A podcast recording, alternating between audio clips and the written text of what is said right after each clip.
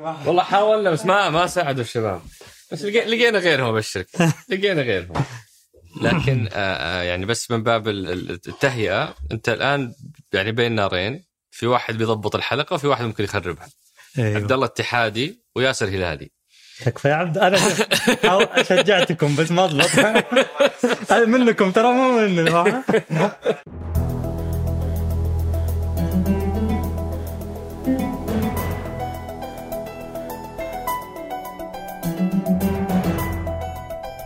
هذا سقراط من إذاعة ثمانية. وأنا عمر الجريسي أستضيف قادة التحول وقادة الأعمال وقادة الرأي وأسولف معهم عن مستجدات ومستهدفات رؤية السعودية 2030 ضيف حلقتنا اليوم هو الأستاذ فهد بن نافل رئيس مجلس إدارة نادي الهلال. ليش بودكاست سقراط متخصص في الرؤية يستضيف رئيس نادي؟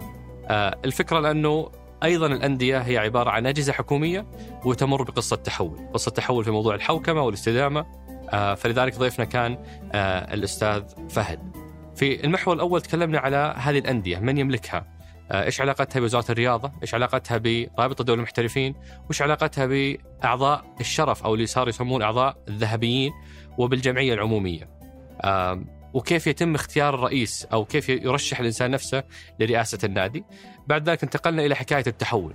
آه، وهم مقسمين الخطة الاستراتيجية حقتهم على أربعة محاور. التفوق الرياضي فتكلمنا على الألعاب المختلفة على استقطاب المواهب على فريق كرة القدم وفي كل آه، نقطة تحدثنا عن آه، إيش اللي تغير آه، في في التعامل مع تلك الملفات المختلفة.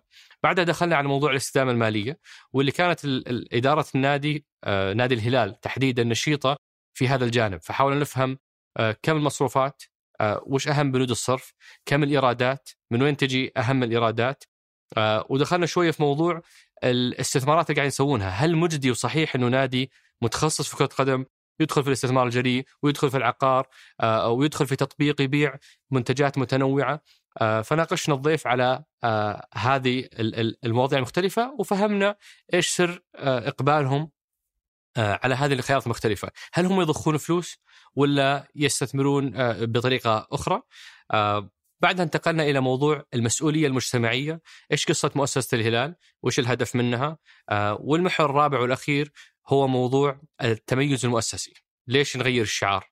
ليش عندنا استراتيجية؟ آه، إيش صار في موضوع ال- ال- الهيكل آه، واللوائح الداخلية للنادي؟ آه، في الخ... يعني في آخر الحلقة وإن كان هذا مو تخصص سقراط لكن آه، تفاعلا مع أسئلة الأصدقاء جاوبنا على بعض الأسئلة اللي يمكن تكون متخصصة في موضوع آه، نادي الهلال الكروي. آه، فمثلا موضوع ملعب النادي وش قصته وش أخباره؟ آه، موضوع قضية كنو. هل فاوض الهلال كريستيانو رونالدو؟ موضوع توثيق البطولات ومن المسؤول عنها وكيف هذا الشيء يضرهم أو يفيدهم. وغيرها من من أسئلة أكرمتونا فيها. فأترككم مع الحوار. حياك الله أبو سعد. شرفتنا ونورتنا. الله يحييك. أخوي عمر أنا سعيد بتواجدي في بودكاست سقراط.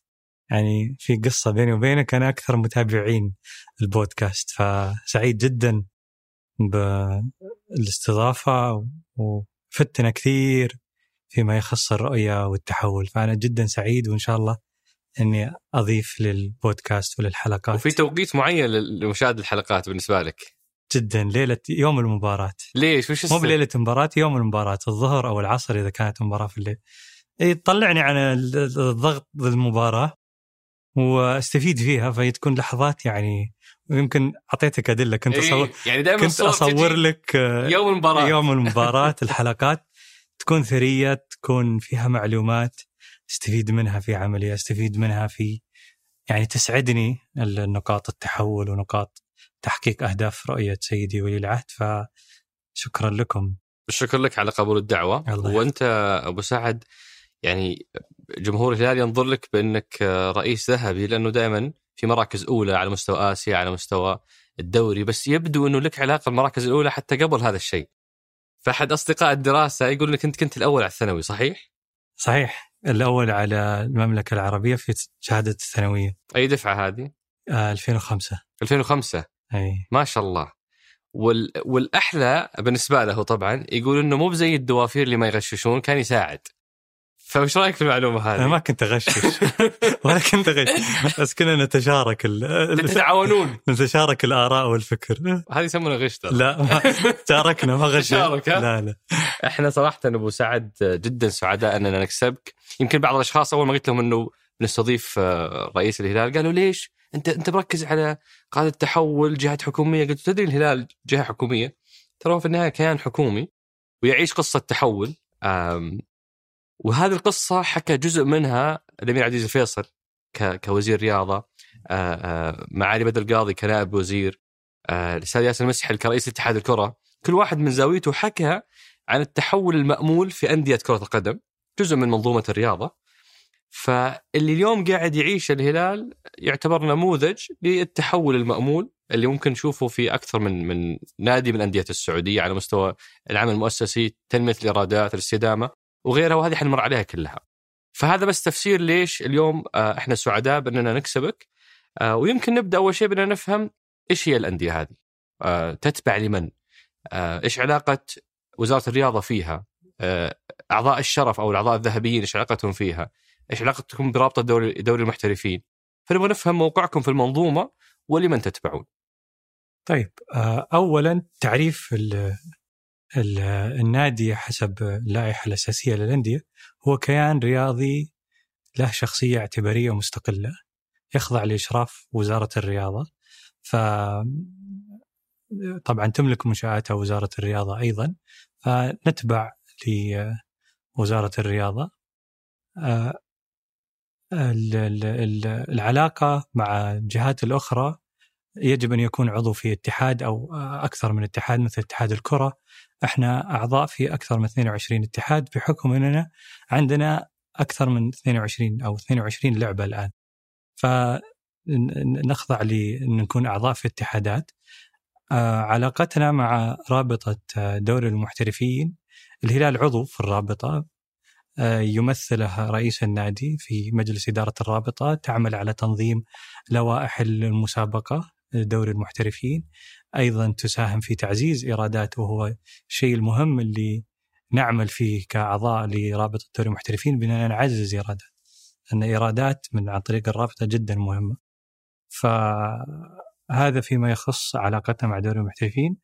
آه، ال- النادي له أعضاء جمعية عمومية بشقين. آه، عضو جمعية عادي بمبلغ ألف ريال يحق له التصويت في القرارات و آه، و- وحضور الجمعية العمومية. وأيضاً- هذا أي أحد يقدر يأخذها. هذا أي أحد يقدر يأخذ. أدفع ال 1000 ريال؟ تدفع ال 1000 تصير ريال عضو جمعية عمومية. أو تدفع ال 100 ألف ريال تصبح عضو ذهبي. ذهبي. و... وكل ألف ريال تعتبر صوت في, في الأندية. ف 100000 يعني عندي أي 100 صوت. 100 صوت. فكل ما دفعت أكثر كل ما عندك أصوات لاتخاذ القرارات اللي فيما يخص. طبعا في الهلال في أيضا شق أدبي في الهلال اللي هم رجالات الهلال منذ تأسيس الهلال والإدارات المتعاقبة والرؤساء السابقين.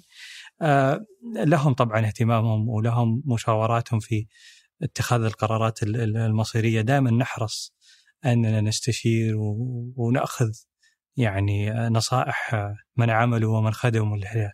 فكانوا يسمون أعضاء الشرف الحين نعتبر رجالات الهلال اللي خدموا ودفعوا في فترات ماضية لنادي الهلال فحتى لو مو باليوم هو عضو آه، أنتم لكم ترتيب معاهم. طبعا على شكل إيش؟ مجلس استشاري ولا أشخاص واحد واحد ولا كيف علاقتكم فيهم؟ لا هم أشخاص معروفين كانوا داعمين وقدموا فيعرفهم الكيان ويعرفهم الهلال فمن من فترة لفترة يعني تسمع منهم آه، والحمد لله هم يعني عندنا الأمير سعد ال سعود يقول بقيادة رجال على قلب رجال فأنا دائما أنظر لرجالات الهلال وأستمد بنصائحهم وكل فترة أتواصل مع البعض منهم ولو إني مقصر بحكم العمل وضغط العمل لكن آه، هذه من أدبيات الهلال اللي لما جينا لقيناها فتغير التنظيم لكن يعتبرون كاستشاريين لنا في في اتخاذ وبالتالي الكثير. هو كيان حكومي 100% مملوك من وزارة الرياضة. نعم آه وش وش الغرض منه؟ ليش أنشئت هالأندية؟ أنشئت الأندية يعني زي نادي الهلال في 1957 رياضي ثقافي اجتماعي آه، الشق الرياضي المنافسة في البطولات ولله الحمد حقق الهلال أكثر من 995 بطولة منذ تأسيسه هذا في كل الألعاب. هذه في كل الألعاب وفي الشق الثقافي طبعا كان لها أدوار آه الآن راجعين لتعزيزها بإذن الله. والشق الاجتماعي المساهمة المجتمعية المسؤولية الاجتماعية النشاط الرياضي بشكل عام. فطبعا آه، عضو في الدوري المحترفين منافس. آه، أنا أعتبر نادي الهلال آه، يعني جزء من مود المجتمع نصف المجتمع actually يأثر في نفسيات ففي تحقيق البطولات لا الحمد تشوف أنا أقدر أقول إنه يعني كثير نسبة كبيرة من المجتمع تكون سعيدة ذيك الأيام ونفسياتها زينة. فالانديه وكرة القدم طبعا في المملكة العربية السعودية كلعبة رئيسية لها اهتمام كبير ولها متابعة. فهذا تقريبا تعريف النادي. يمكن الملفت في تجربتك أبو سعد إنها كسرت الصورة النمطية عن رئيس النادي. صحيح. يعني على مدى سنوات رئيس لما لما يقال فلان عمر رئيس النادي فهو الشخص اللي بعد كل مباراة طالع يصرح yes. قاعد في الدكة مع مع اللعيبة وقاعد يشجع ويدعم اللعيبة. آه، كل حديثه عن شؤون الكرة. آه، كرة القدم نادي كرة القدم أو أو فريق كرة القدم الأول. لما جيت أنت جيت بمشروع مختلف شوية. آه، شفنا رئيس مجلس إدارة. بمعنى رئيس مجلس إدارة فهو مسؤول عن الشؤون الاداريه وشفنا الهيكل يبدا يتكون بشكل مختلف. شفنا شركة استثمارية كان أحد ضيوفنا آه، آه، آه، معالي أبو فيصل الملكية الفكرية وكان يقول إنه ما في ولا نادي كان عنده علامة مسجلة وأول واحد سواها الهلال. صحيح. فتسجيل العلامة تأسيس الشركة الاستثمارية إطلاق استراتيجية. يعني أنا لما يعني لما لما صار موضوع إطلاق استراتيجية قاعد أقراها أقول متى آخر مرة سمعنا عن نادي يطلق استراتيجية ففي تحركات مختلفة تخلينا نقول آه وش اللي جاب يعني نرجع خطوة ورا وش اللي جابه أبو سعد لإدارة نادي الهلال وليش هذا المشروع؟ ليش ما جيت وركزت على كرة القدم وجبت بطولات وسجلت اسمك في التاريخ زي زي أي رئيس آخر؟ خليني أبدأ من بداية حديثك على الطريقة آه، الطريقة يمكن كانت مفيدة في ذاك الوقت وكنا نحتاجها وكانت هي أسلوب آه، الرئيس هو الراعي الأول لازم يكون قريب من أعضاء الفريق وأعضاء اللاعبين أيضا يهمهم ذلك يعني تلقاه فرضا آه، مو بهدف إنه يصرح بعد كل مباراة ولكن الجو العام الرياضي كان يحتاج هالشيء حفاظا على حقوق النادي أيضا إظهار قربه من اللاعبين، اللاعبين يحتاجون دائما قرب الرئيس انك يعني كل هذه الأشياء كانت طريقة وأسلوب. من حسن حظنا إحنا آه لما جينا كمجلس إدارة متنوع الأفكار فيه من من كل القطاعات آه وأحييهم أيضا على جهدهم معي. آه تلاقينا أيضا مع توجهات القيادة وتوجهات واهتمامها البالغ في الرياضة.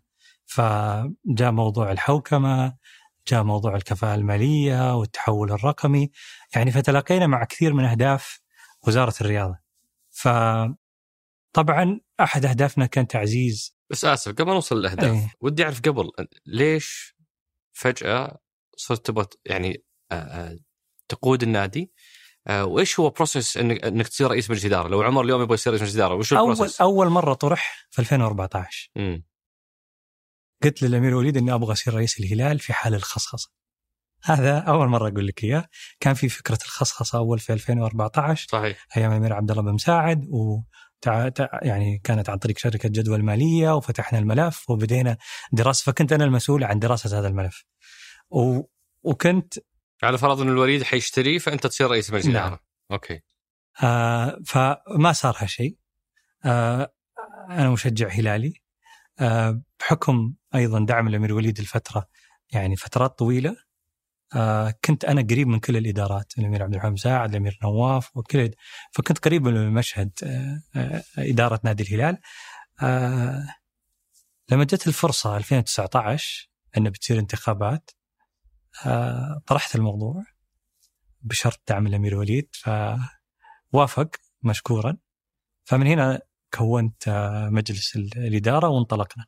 فكان عندي يعني بعد الرؤيه وبعد سيدي ولي العهد الأمير محمد بن سلمان أصبح كلنا كشباب وشابات الوطن نقدر نحلم. يعني من كان يفكر إنه فهد بن نافل فهد العتيبي يعني أبغى أصير رئيس الهلال كان أول ما تفكر. يعني في في لها نظامها و... و... لكن يعني بعد الأمير محمد بعد تمكين الشباب أصبح كل واحد يحلم إنه يحقق شيء يخدم وطنه فيه يرفع اسم المملكة العربية السعودية فيه. ف آه، هذا اللي أعطاني الثقة ومنحني القوة اللازمة إني أننا قادرين كشباب وشابات هالوطن أننا نقوم بإنجازات يعني تلاقي توجه قيادتنا الرشيدة ورؤية 2030 فكذا جت الفكرة يعني طموح وكيف آه، ال process يعني أو. ال process انتخابات. ف كان في مرشح غيرك؟ كان في مرشح الاخ موسى الموسى. أي. آه تنافسنا بعدد أصوات والحمد لله أن أدبيات الهلال آه موسى عضو ذهبي الآن الاخ موسى وداعم لنا و... فصارت انتخابات وبعدها انطلقنا. أخذت يعني كجزء من من آه، بروتوكولات الهلال هل أخذت مثلا يعني موافقة شرفية من اللي سميتهم أنت مثلا رجالات الهلال؟ بحكم علاقتي معاهم لما لما انطرح الاسم كان كان في كان في ترحيب من الجميع. يعني كل كلهم يعني كان في ترحيب منهم على ترشحي. فصرت بعدها أنت وفريقك يعني شكلتوا مجلس اداره. شكلنا مجلس. وش كان مشروعكم؟ يعني كان عندنا شوف يعني الجمهور الرياضي يمكن قلتها في في في حفل إطلاق الهوية والاستراتيجية الهم الأول للأندية وجماهيرها هي تحقيق البطولات. فلا تجي تنظر علينا. مو بأي بطولات. إي. كرة يعني نادي كرة القدم الأول. هذا هو اللي له, له وزن. الباقي يعني نحكي طبعا ما كان في ألعاب كثيرة. م. فهذا سبب. ولا كان في اهتمام. فيعني بس إنه تجي في فترة لاحقة. لكن الهم الأول هو تحقيق البطولات. خاصة فرضا آسيا. اسيا إيه. كانت يعني هاجس وكان هدف. فالتحقيق الرياده رياضيا طبعا كان هدف آه لازم نعمل عليه. لكن أيضا كان في مشكلة الدعم المالي آه وتعزيز علامتنا التجارية. الهلال كلنا نعرف من قبل لا نمسك والكل في المملكة العربيه يعرف قوة جماهيريه الهلال لكن ما كنا نستفيد منها بإيرادات مالية. ف كان فيه تحقيق البطولات والاستدامة المالية جزء مهم أن نعزز وننوع مصادر دخلنا. أيضا الريادة المجتمعية ركزنا عليها وهي يعني آه، كثير فيها في أهداف رؤية 2030 وقضية التحول الوطني. فكل هذه حطيناها. ركزنا طبعا مكنا كثير من الإدارات.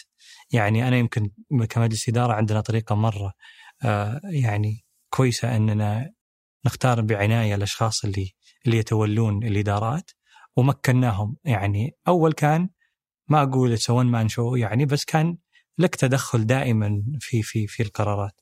الآن مكنا الإدارات دعمناهم حاسبنا الكثير منهم بعض الأحيان على الأخطاء لكن التمكين لهالشباب وإعطائهم الصلاحيات وإعطائهم الفرصة آه، حقق نجاحات ويمكن هشام الكثيري معنا اليوم مدير المركز الاعلامي يعني الكل يثني على أداء الهلال اعلاميا وهذا كله تمكين من يعني ناس متعلمة سعودية تمكنت من اتخاذ القرار اعطيت الصلاحيات اعطيت الدعم فأصبحنا داعمين لكل إدارة. وهذا يلخص استراتيجيتكم، أنتم استراتيجيتكم فيها أربعة أهداف. رقم واحد التفوق الرياضي. نعم. رقم اثنين التميز المؤسسي. ورقم ثلاثة المسؤولية الاجتماعية. ورقم أربعة موضوع الاستدامة. آه المالية. الاستدامة المالية. نعم. لو أخذناهم واحد واحد. نبدأ بالتفوق الرياضي. إيش الشيء اللي آه كان مستهدف؟ وإيش اللي تحقق اليوم؟ خلينا نتكلم مثلا عن مستوى بطولات مستهدفة على مستوى عدد الرياضات اللي كانت موجودة، عدد الرياضات اللي موجودة اليوم، إيش دور استراتيجية دعم الأندية في انكم اضفتوا رياضات جديدة. خلينا نتكلم على موضوع التفوق الرياضي وش كان مستهدف وش اللي صار اليوم؟ طيب خلينا نبدأ أيضا بالألعاب المختلفة. حلو. في التفوق الرياضي. آه آه أصبح يعني أضفنا 12 لعبة. كم كنتوا؟ آه الحين أصبحنا 22 لعبة. فكنتوا 10 رياضات. كنا تقريبا كنا 10 رياضيات. أضفناها حققنا كل السنوات الماضية في نقاط الدعم برنامج برنامج وزارة الرياضة في الألعاب المختلفة كنا دائما متفوقين على كل الأندية. فيعني حققنا نجاح وتفوق رياضي في الألعاب المختلفة. حققنا كتوتل في الثلاث سنوات 189 بطولة. آه فهذا يعتبر رقم جدا كبير. يعني مقارنة ب 995 بطولة في النادي ف واشرح لنا هنا أبو سعد ما دام نتكلم عن النقطة وش آه وش الفكرة أو وش آه طريقة استراتيجية دعم الأندية؟ لأنه أكثر من مسؤول تكلم عنها بس ودنا نسمعها من زاويتكم أنتم، زاوية المستفيد من هذه من هذه الاستراتيجية، وش اللي فرق معكم عن ما كان يحدث سابقا مثلا؟ في مسارات لازم تحققها عشان تأخذ الدعم. مثل مثل مسار ال ال ال الاستدامة المالية الاستراتيجية إن يكون عندك استراتيجية ودليل إجراءات وتمشي عليه. آه قلنا المالية الإدارة والتشغيل الرقابة والمراجعة. فكل ما تحقق أنت هالنقاط ويكون عندك دليل إجراءات وحوكمة ورقابة تأخذ دعم أكثر من تأخذ دعم أكثر. في دعم ثابت لكل الأندية مبلغ معين. بعدها تجي كل ما تحقق في أحد المسارات الأربعة أو الخمسة تأخذ points أكثر. فلما في جات في الألعاب المختلفة في لها مبلغ إذا استحدثت الألعاب حققت فيها بطولات تحصل ولله الحمد الهلال بيئة جاذبة فكثير من اللاعبين المميزين استطعنا استقطابهم وتوفير لهم المرافق التدريبية و و و حققوا نتائج انعكست أيضا على مداخيلهم كالعاب مختلفة ما دام إنها مغرية زي كذا يعني. آسف ما دام إنها مغرية بالطريقة هذه ليش ما شفنا بقية الأندية تسوي نفس الفكرة؟ تفتح رياضات مختلفة عشان تاخذ دعم زيادة، هل في تحدي في موضوع بدء؟ هي مكلفة صراحة. حتى مع الدعم اللي يجي ما زالت ما تغطي الدعم ما يغطي ما زالت مكلفة. يعني ف ف فأنت تدفع الفرق. فاي في فرق في فرق لازم أنت لتحقيق التميز في فرق لازم يعني يحرص عليه النادي. فبعض الأندية صعب يكون عندها اوريدي عجز في كرة القدم ويحتاج بعض الأموال أو النقاط لتغطية العجز في كرة القدم. إحنا لا. إحنا ركزنا ان اي شيء يجي للألعاب المختلفة يصرف على الألعاب المختلفة ولتطوير الألعاب المختلفة. بدينا بناشئ يعني الحين في ناشئين وشباب وفرق أولى في كل الألعاب. ما عاد بس فريق أول يمثل وخلاص فأصبحنا كل كل الرياضات اللي إحنا فيها ندخل في فئات كثيرة فيها.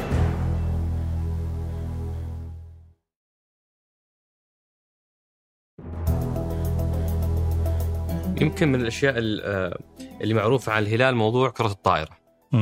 آه مثلا لما تشوف في لعبة أنت عندك فيها ميزة تنافسية، هل عادة تعطونها دعم أكثر، تركزون عليها بشكل أكثر ولا تتعاملون مع الدعم آه بشكل متساوي بين بين لأنه لأنه ما عاد نسمع مثل ما كنا نسمع أول عن تفوق ومشاركات كرة الطائرة على مستوى مثلا دولي أو خارجي أو صححني لو لو في شيء تحقق برا. في في في كرة الطائرة؟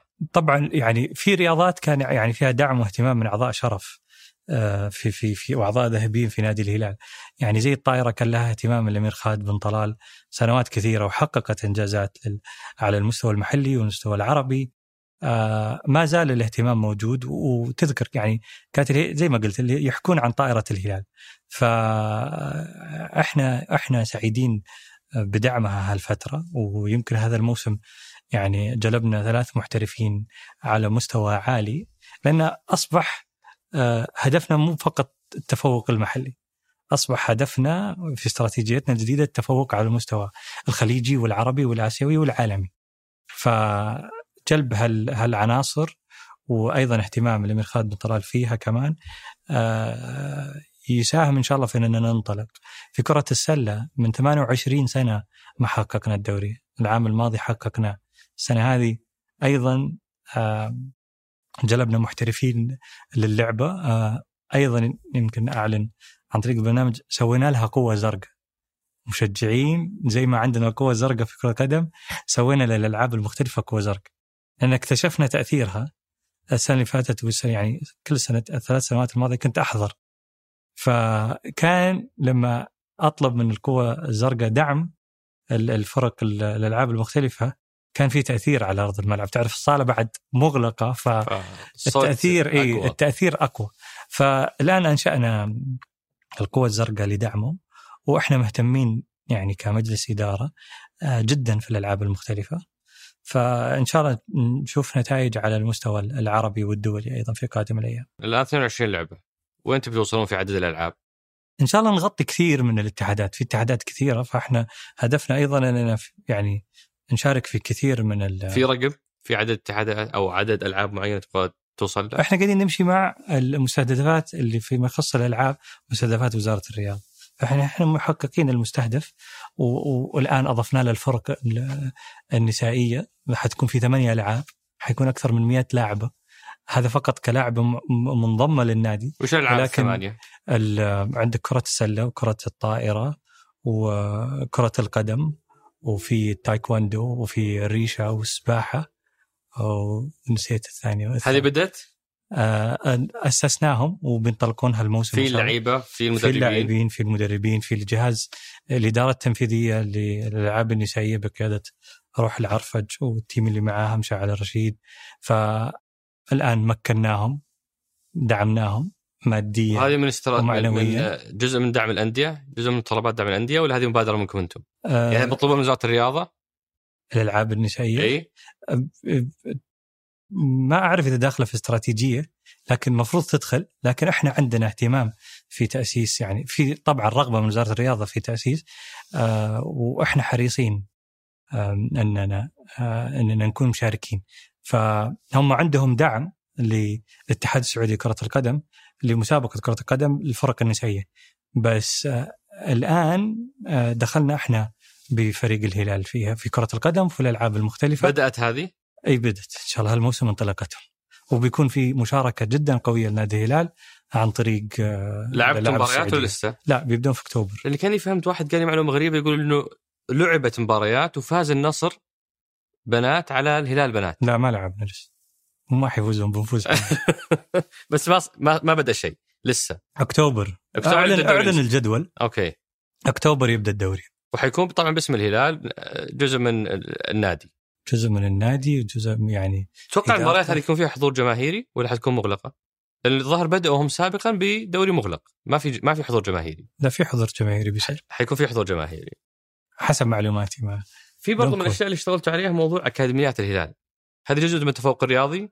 هذا ولا استدامة مالية؟ لا هذا جزء من التفوق الرياضي. وتعزيز تعزيز مساهمة النشء في في في الرياضة آه ففيها ش... أكثر من شق إحنا هدفنا فيه يعني آه، آه، بداية كان مجتمعي وبعدين انتقل إلى ما بعد الهدف المجتمعي وجود عدد كثير من اللاعبين إلى الآن شركة أكاديمية الهلال وأصبح يعني reaching break even وإننا تصرف على نفسها فصار في نمو. وصلنا إلى عشر أكاديميات. طبعا تسعة أكاديميات آه، أولاد؟ باشتراكات. لا آه, آه لا في من ضمن التسعة في أكاديمية نساء والعاشره أكاديمية مجتمعية. مع مع وزارة الموارد هدفها خيري بشريك مع التعامل مع التعاون مع شريكنا جاهز. ففي أكاديمية مجتمعية وفي تسع أكاديميات مجتمعية مجانية هذه؟ هذه إيه؟ مستفيدين من ذوي الحاجة. نعم. وفي تسعة بمقابل مادي نعم. ومنها أكاديمية نسائية فيها أكثر من 100 لاعب. فأقدر أضيف هذول إلى عدد عدد أيضا اللاعبات. الأكاديميات ولله الحمد حققت نجاح. فرضا الاكاديميه النسائيه استقطبنا لاعبتين لفريق الهلال لكره القدم. وإن شاء الله أنا متفائل انه يكونون أيضا عناصر مهمة في المنتخب. فيما يخص أكاديمية الأكاديميات الأخرى في 75 لاعب استقطبناهم من أكاديميات الهلال انضموا لنادي الهلال. أربعة منهم وصلوا إلى مستوى المنتخبات الوطنية. ف ومن أي أعمار تبدون هنا؟ أنا شفت أعمار صغيرة مرة جدا آه إلى يعني كم عن سبع سنوات ثمان سنوات؟ أصغر كمان أصغر كمان نعم. ها؟ اتذكر امير عبد العزيز الفيصل في حلقة سابقة كان يقول لنا إنه إذا تبغى إذا تبغى تطلع لعيبة آه. صح يعني ست سنوات ويمكن تكون متأخر بعد تبدأ صح ف... فإحنا عندنا كل تبدا من ست سنوات. كل. كل الفئات العمرية في تركيز عليها. لما يوصل إلى عمر 13 المميزين نستقطبهم إلى أندية الهلال لأنه يبدأ هناك في فرق رسمية من الأعمار 13 و15 و17 و19 فنبدأ الاستقطابات. وإحنا الحين هدفنا كشركة أكاديمية الهلال وصلنا إلى تسعة في مدينة الرياض. فتخيل إذا تسعة بس في الرياض كيف الفرصة في باقي مناطق المملكة وأيضا في دول الخليج. أعلنا عن عن أكاديميتنا في الإمارات إن شاء الله قريبا ومستهدفين عمان وقطر وباقي دول الخليج. وهذه 100% مملوكة للهلال. نعم. آه والآن break even yes ما شاء الله تبارك الله. كم صار لكم؟ كم بعدين؟ سنتين. ما شاء الله. حول السنتين. آه فخلصنا موضوع الألعاب المختلفة و- واستقطاب وتنمية المواهب وهذه ال- الهدفين الفرعية. نرجع الهدف الأول الفرعي من موضوع التفوق الرياضي اللي هو كرة القدم. إيش اللي عمل في كرة القدم؟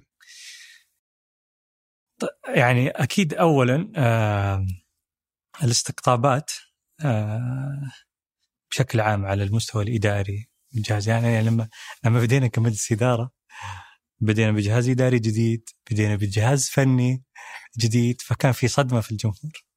بدينا بعدم تجديد لكثير كم لاعب كانت مطلب جماهيري.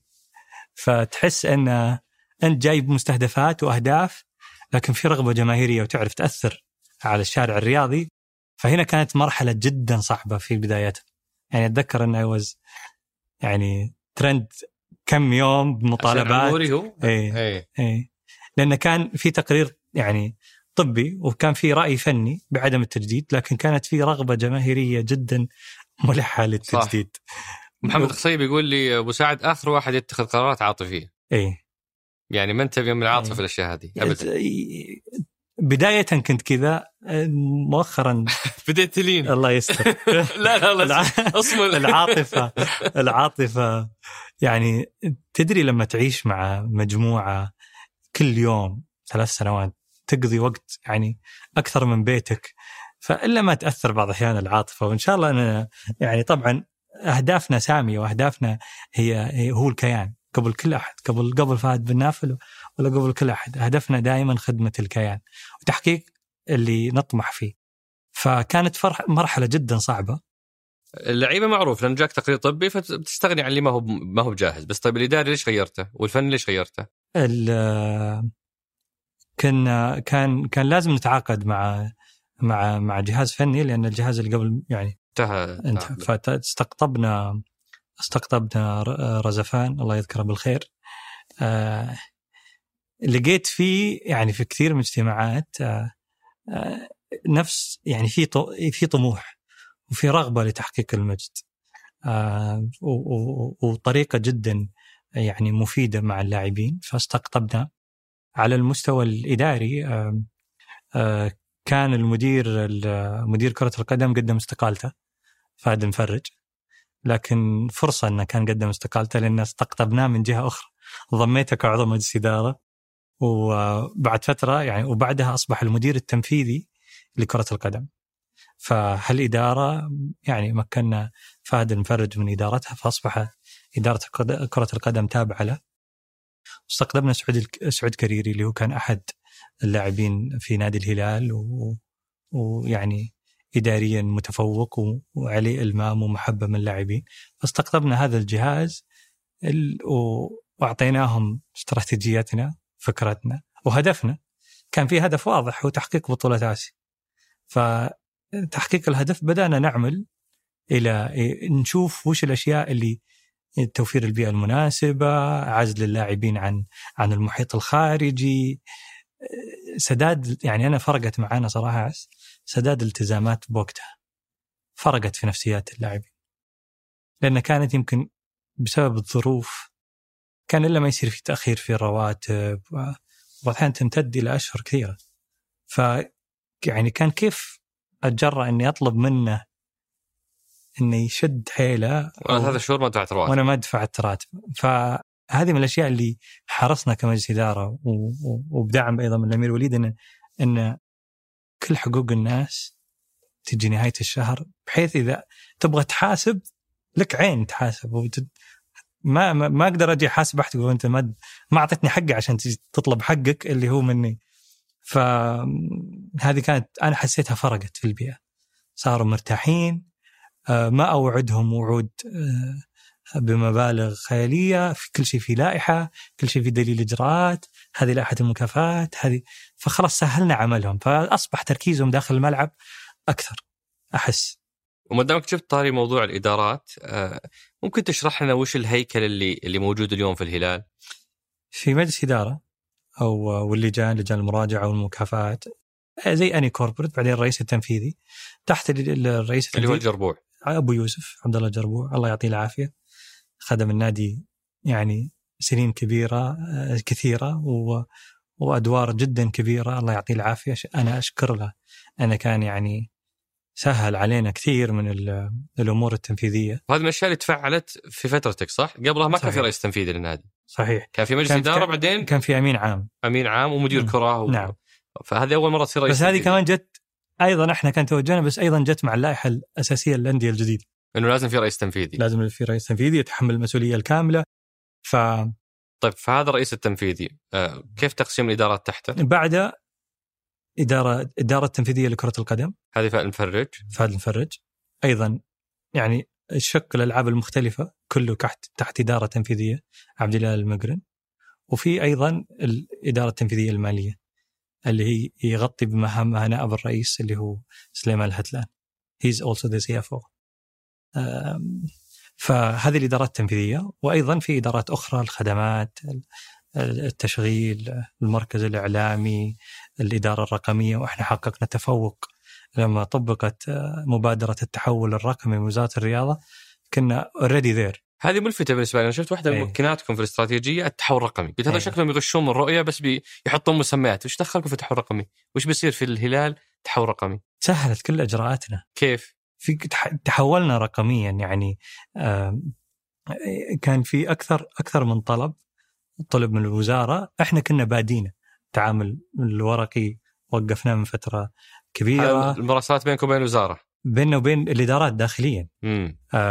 ال database لكل اللاعبين الملفات الطبية ال ال كل كيف كانت سابقا؟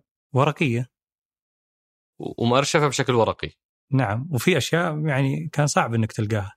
أوه. بحكم الزمن. ف فنقلت هذا كله إلى فنقلنا- أرشيف رقمي؟ أرشيف أرشيف رقمي. آه، عملنا ال- القوة الزرقاء كل المشتركين فيها ترسل لهم تذاكر عن طريق عن طريق ال- ال- الموقع آه، فكل المتطلبات التحول الرقمي كنا اوريدي بقيادة هاني الغفيلي وإدارة إدارة الرقمية في النادي متفوقين وبادين فيها ال database كله لل- لل- للنادي فسعيدين كنا إنه أول ما طلب مننا التحول الرقمي كأندية كان كان الهلال الأول فيها وجاهز. عن عن كل الأندية الأخرى.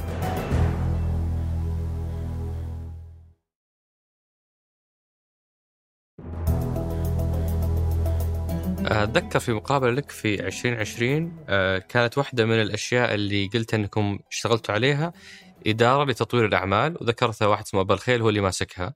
رجعت للهيكل الرسمي حقكم ما لقيت في إدارة تطوير الأعمال ولا لقيت أبو الخيل. هل في الإدارة هذه موجودة؟ تطوير الأعمال؟ آه انضم معانا نواف أبو الخيل فترة معينة. بعدين لظروف معينة ما قدر يكمل معانا. بس الإدارة موجودة؟ لا صارت جزء من أعمال ال... ال... شركة ال... ال... ال... ش- شركة الهلال الاستثمارية. فنقل منفصل الملف كله لشركة الهلال investment السلطان. okay. يعني في سعد المنيف والعنود السويد في تطوير الأعمال في شركة الهلال. okay. فانتقل من النادي كثير من يعني كان في الهلال في إدارة استثمار. نقلت وأصبحت شركة الهلال. كان في مسؤولية اجتماعية. الآن أصبحت مسؤولية الهلال الخي... مؤسسة الهلال الخيريه ف يعني أصبحت آه، أجهزة بحد ذاتها قادرة على ال- ال- القيام بالأعمال كلها مستقلة تدعم وتراقب من مجلس الإدارة. حنجيها في موضوع الاستدامة بس. قبل ما أقفل التفوق الرياضي يمكن واحد من أهم المكتسبات موضوع البطولات المهمة وعلى رأسها البطولة الآسيوية. أي. يعني آه، جهود على مدى 20 سنة رؤساء مختلفين قاعدين يحاولون آه، ما في شك في آه، حرصهم وبذلهم لل- لل- للجهود بس ما جابها إلا أنت وش وشلون فكيت الشفرة؟ وش السر؟ اولا مو أنا اللي جبتها جابوها يعني الكيان ونادي الهلال وهم يعني ال- ال- الأمراء والرؤساء السابقين كانوا جزء من حصولنا على كأس آسيا هالفترة يعني كلهم كلهم لهم مشاركة. فهذا الإنجاز اللي جبناه جاب الهلال جاب الرؤساء السابقين جاب فهد بن نافع جهد يشكر ما في شك. لكن في إيه، النهاية في كلهم. إدارة هي اللي البطولة تحققت في وقتها. إيش ال- إيش اللي سويته بشكل مختلف عشان تجيب هذه البطولة؟ من الأشياء اللي ذكرناها الجهاز الفني، الجهاز الإداري، توفير المتطلبات المالية، التعاقدات، آه، كل توفير البيئة المناسبة للانطلاق، آه، المتابعة، الدعم، المكافآت غيرنا طريقتها شلون؟ يمكن كان يعني واحدة من الأشياء اللي يعني حتى اللاعبين يمكن بعضهم ضايق إنه كانت في مبالغ كبيرة للوصول إلى مستويات في البطولة. فكان كل سنة نوصل أو كل هذه نوصل لهالمستويات ومبالغ كبيرة من المكافآت ولا نحققها. فقمت كسرت الرقم إلى 10% من كل اللي كانوا ياخذونه. كذا توصل النهائي 10% جبت النهائي تاخذ 90 لا بدأت 10% 20 30 لكن ال ال على قولتهم جيب المنجز وتحقق رقم خيالي. كل كلهم ما كانوا متوقعينه. فحطينا ال target كمكافأة بدل ما نعطي كل فترة وهذا فكان في صدمة أتذكر أتذكر موقفي كان جدا صعب. أول مرة أدخل على اللاعبين بعد تأهل لما يعني كنت بادي اللائحة بس لما قلت لهم المبلغ يعني ما حد صفق ولا حد أعطاني وجه. مرة. اي ردود الفعل كانت وش هذا؟ وش كان المبلغ؟ جدا بسيط جدا جدا صغير. ل... مقارنة بإيش كانوا يأخذون؟ عشان وصلوا المر... عشان وصلوا لنصف النهائي. تأهلوا من دور ال 16 لدور الثمانية. أوه. فتفاجئوا بس قلت لهم أنا ما أنا ما أقول لكم حققوا خذوا ذا الرقم. الحمد لله حققوا كان جدا رقم عالي. وتفرق فعلا هذه موضوع المكافآت في في في الأداء؟ طبعا. أي رياضي أحس لما تقول في مكافأة في تحفيز. إيه؟ كتهيئة نفسية أو في حاجز نفسي كان موجود بين النادي وبين هالبطولة اللي قعدت سنوات يعني عسرة على على الهلال. هل هل كان في جهد على الجانب النفسي؟ اي أهم يعني ما كان في تركيز ما كان في ضغط على اللاعبين في في في موضوع تحقيقه. كان في تهيئة نفسية كان في دعم يعني ما كان هدف معلن كان في طموح. إلا في هدف معلن بس ما كان في ضغط. جت فترة أصبحت ضغط. صح. أصبحت شيء يقلق. يعني أنا كشخص كنت وين ما أمشي وين كل أي أحد أشوفه يقول لي آسيا. ما يسلم علي. يقول لي آسيا بالنافل ولا جبة أو فكان في ضغط. إحنا كنا نحاول ناخذ كل هالضغط كجهاز إداري. وما نعكسه في تدريباتنا المغلقة على اللاعبين.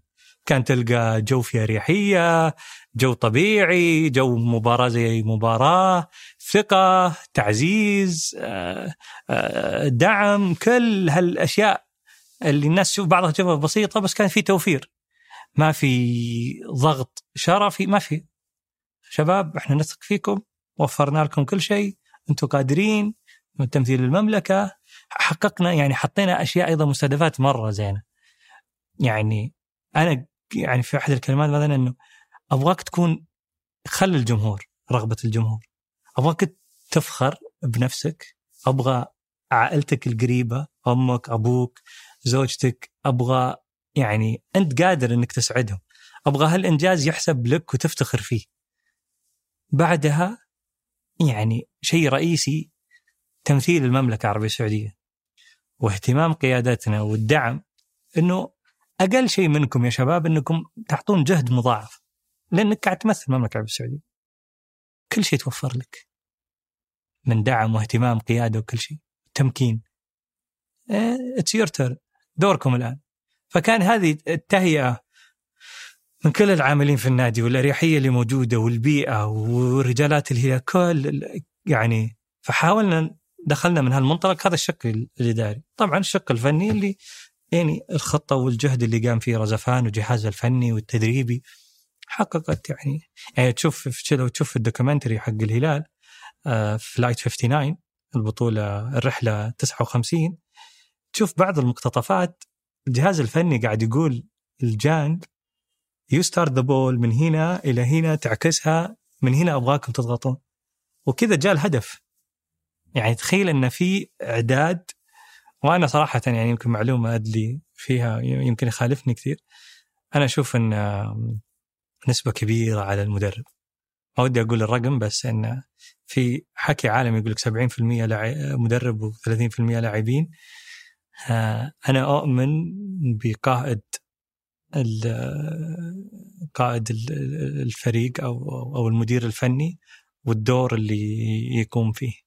وهل تؤمن بالأرقام في الموضوع؟ يعني فيك طبعاً. أكثر من ضيف طبعا تكلموا على تحليل الأرقام، تحليل الخصم، نقاط الضعف اصبح يعني الكورة ما عاد بأول طقة والحقها الحين أصبحت صناعة سووا ال numbers وش سو... وش سويت في هالجانب في طيب؟ في إحنا كنا ما نبخل أي طلب فيه تقني كنا ما نبخل فيه كإدارة ولا جهاز طبي بس اشرح لي أنا مثلا كواحد متابع وش بالضبط شيء مختلف سويتوه ولقيتوا أثر؟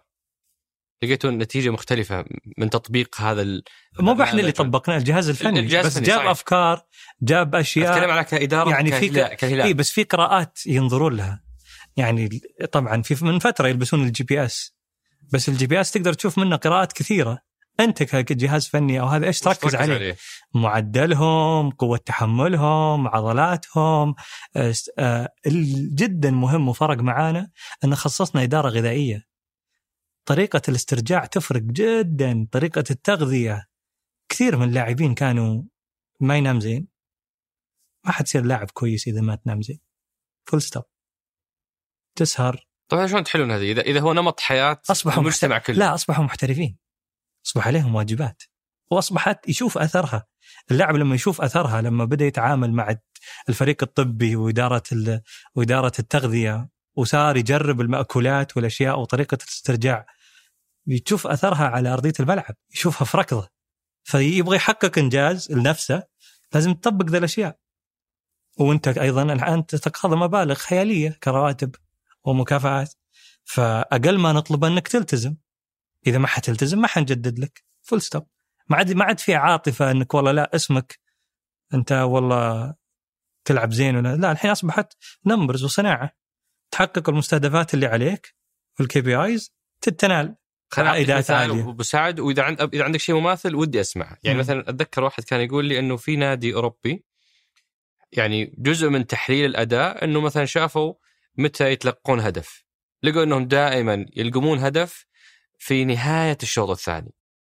وبتحليل البيانات اتضح إنه هذا جزء مثلا من موضوع التهيئة اللياقيه أو أو أو لياقة الفريق وقدرتهم على التحمل إلى آخر دقيقة. فبالتركيز على رفع المستوى اللياقي اتضح أنهم قدروا آه، آه، آه، يحمون الشباك بناء على أرقام بناء على معلومات. أنا بعطيك مثال محلي ومثال ينطبق علينا. حلو. إحنا أعداءنا وإحنا كنادي الهلال أهم فترة زمنية هي متى؟ اللي تحقيق البطولة. متى؟ الإعداد في الصيف. في الصيف. ما في مشاركات. بس أهم أصبحنا أهم فترة نضخ عليها كمعسكر وكتجهيز وكاهتمام هي هذه الفترة. وشلون قستوا الأثر؟ تشوف أثرها كمستوى لياقي بقية الموسم. كثير من الأندية ننطلق سوا. تلقى انطلاقاتهم عالية. لاحظنا إحنا كهلال إن نجي في فترات في فبراير في March يبدأ ال drop يبدأ drop حتى على مستوى النتائج. اولا لكثرة المشاركات إن يمكن إحنا من الأندية النادي الوحيد اللي يمثل المملكة ويلعب يمكن خمس أربع بطولات كل سنة. ولما يدخل في البطولة ينافس. في ناس تحط عندها مستهدفات أبغى الدوري فيركز على الدوري. تلقاه يلعب بطولة ثانية بفريق أو ما يعطيها الاهتمام أو إحنا لا. إحنا عندنا مستهدفات. كأس الملك والسوبر والدوري وآسيا أربع بطولات في الموسم. أنت يا اللاعب مطلوب منك تفوز فيها وأنت كهلالي مطلوب منك تفوز فيها. غير مشاركات المنتخب اللي غير مشاركات المنتخب طبعا لكن إحنا ما قلنا والله لا ما نقدر بندور عذر هذا ونبغى نضخ ونركز على ذي. لا. قلنا وش الطريقة اللي بتخلينا نوصل لأننا نحقق كل البطولات ونشارك. أو أحد الأشياء أن تكون المجموعة كلها جاهزة. 30 لاعب لو تشوف يعني إحنا كهلال يلعبون تجي فترات إصابات تجي فترات آه، نزول مستوى فتحتاج هاللاعب. فإحنا دائما نعزز في اللاعب إنك أنت مو بلاعب احتياطي. غلط. أنت جزء من المجموعة وجزء رئيسي. يعني نعطي جهد ووقت للاعب اللي جالس في الدكة زي اللي يدخل أرضية الملعب والاهتمام أيضا والمكافآت. مو معناته إنك جلست دكة معناته you're downgraded ولا you're second guy أنت لك نفس الاهتمام ولك نفس المميزات لأني حأحتاجك. وأبغى لما أحتاجك تكون جاهز. لما تدخل أو ما لما تدخل في فبراير ولا في مارس يعني أنت شفت آسيا مثلا احتاجنا متعب المفرج في ل- مباراة النهائية طيب لو أنت راكن. هاللاعب ومهمل وكل شيء بتيجي تقول له يلا تحتاجه وش بيصير؟ ما حيعطيك فالتركيز بشكل عام اهتمام الجهاز الفني بالإعداد لأنه يفرق لياقيا فكل هذه نرجع للغة الأرقام جدا مهمة قياسها جدا مهمة قياسها الاسترجاع بعد الإصابات عند الأخصائي نونو جبناه من نادي روما. هذا مهمته أول كان يطلع من العيادة اللاعب يدخل التمارين. فتلقى في جاب في المستوى بينه وبين اللاعبين فيأثر على التمرين يأثر على الحصة التدريبية. ودائما يقولون والله راجع من إصابة وعذر. الحين صار في فترة زمنية بين خروجه من العيادة واستعداده لأنه يبدأ لأن طبعا الجهاز الفني كمدربين مو بفاضي هو يرك يعني أكيد بيركز على اللاعب إنه يعطيه تأهيل بس مو من دوره. هو يبغى لاعبته جاهزين يبغى ينفذ خططه. فصار هالشخص وهالإدارة تجهز اللاعبين بين مرحلة ال- ال- العيادة والخروج من الإصابة مرحلة إنك تبي فت. فرقت معانا جدا.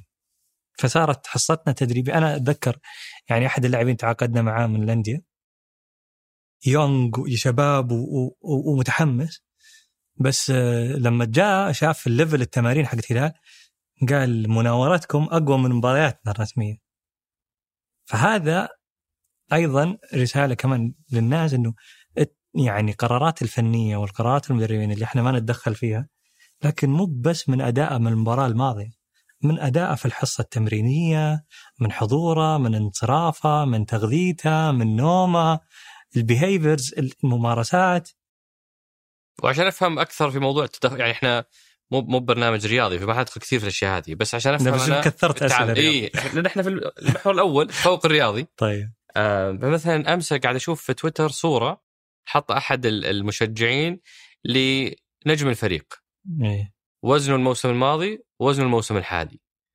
آه واللي واضح في الصورة إنه الموسم الحالي وزنه زايد مرة. اي بس هذه صارت الحين يعني حتى لو تشوف في كثير منها عضلية.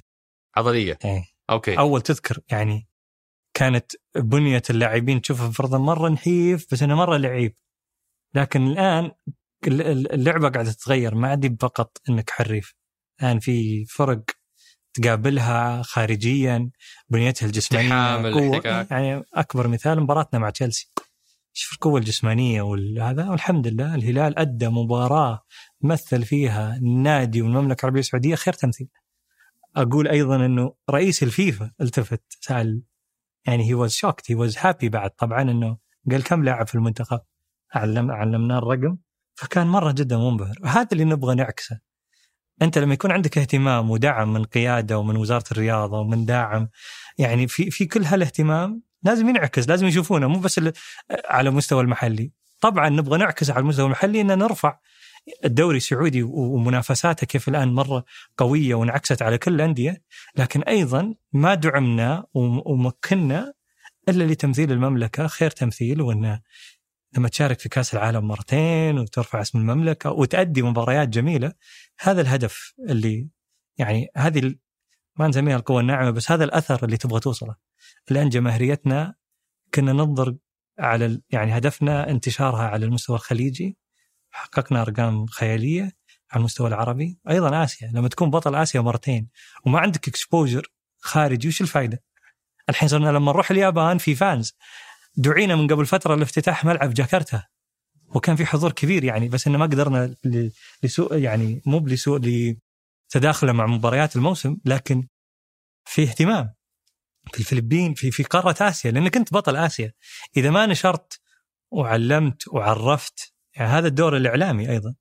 آه، اللي حكيت لك عنه كيف مكنا المركز ال- الإعلامي. لما يصير فيه movies لما يصير فيه آه، ملخصات لما يصير يعني كل هذه في ال social media ال impact تشوفها الأثر. فهذا ال- المطلوب من من ال- من الانديه الرياضية كتعريف عام. وعشان أقفل هالمحور أنتم لما تبدون الموسم عندكم مستهدفات في كل لعبة؟ لا هذا هذا عاد قدرنا مو مستهدف. أجل هذا؟ قدرنا أننا كل بطولة هي واجب- مستهدف. هي واجب الحصول عليها. في كل الألعاب.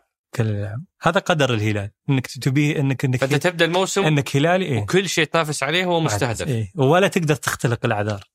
طيب هذا ما يشتت ال... لا ال- هذا لازم تشوف حلول. لازم تخلق الحلول بأنك منافس على كل هذا ولا تختلق العذر. إذا ما حققت تعتذر. بس إنك تختلق العذر لا.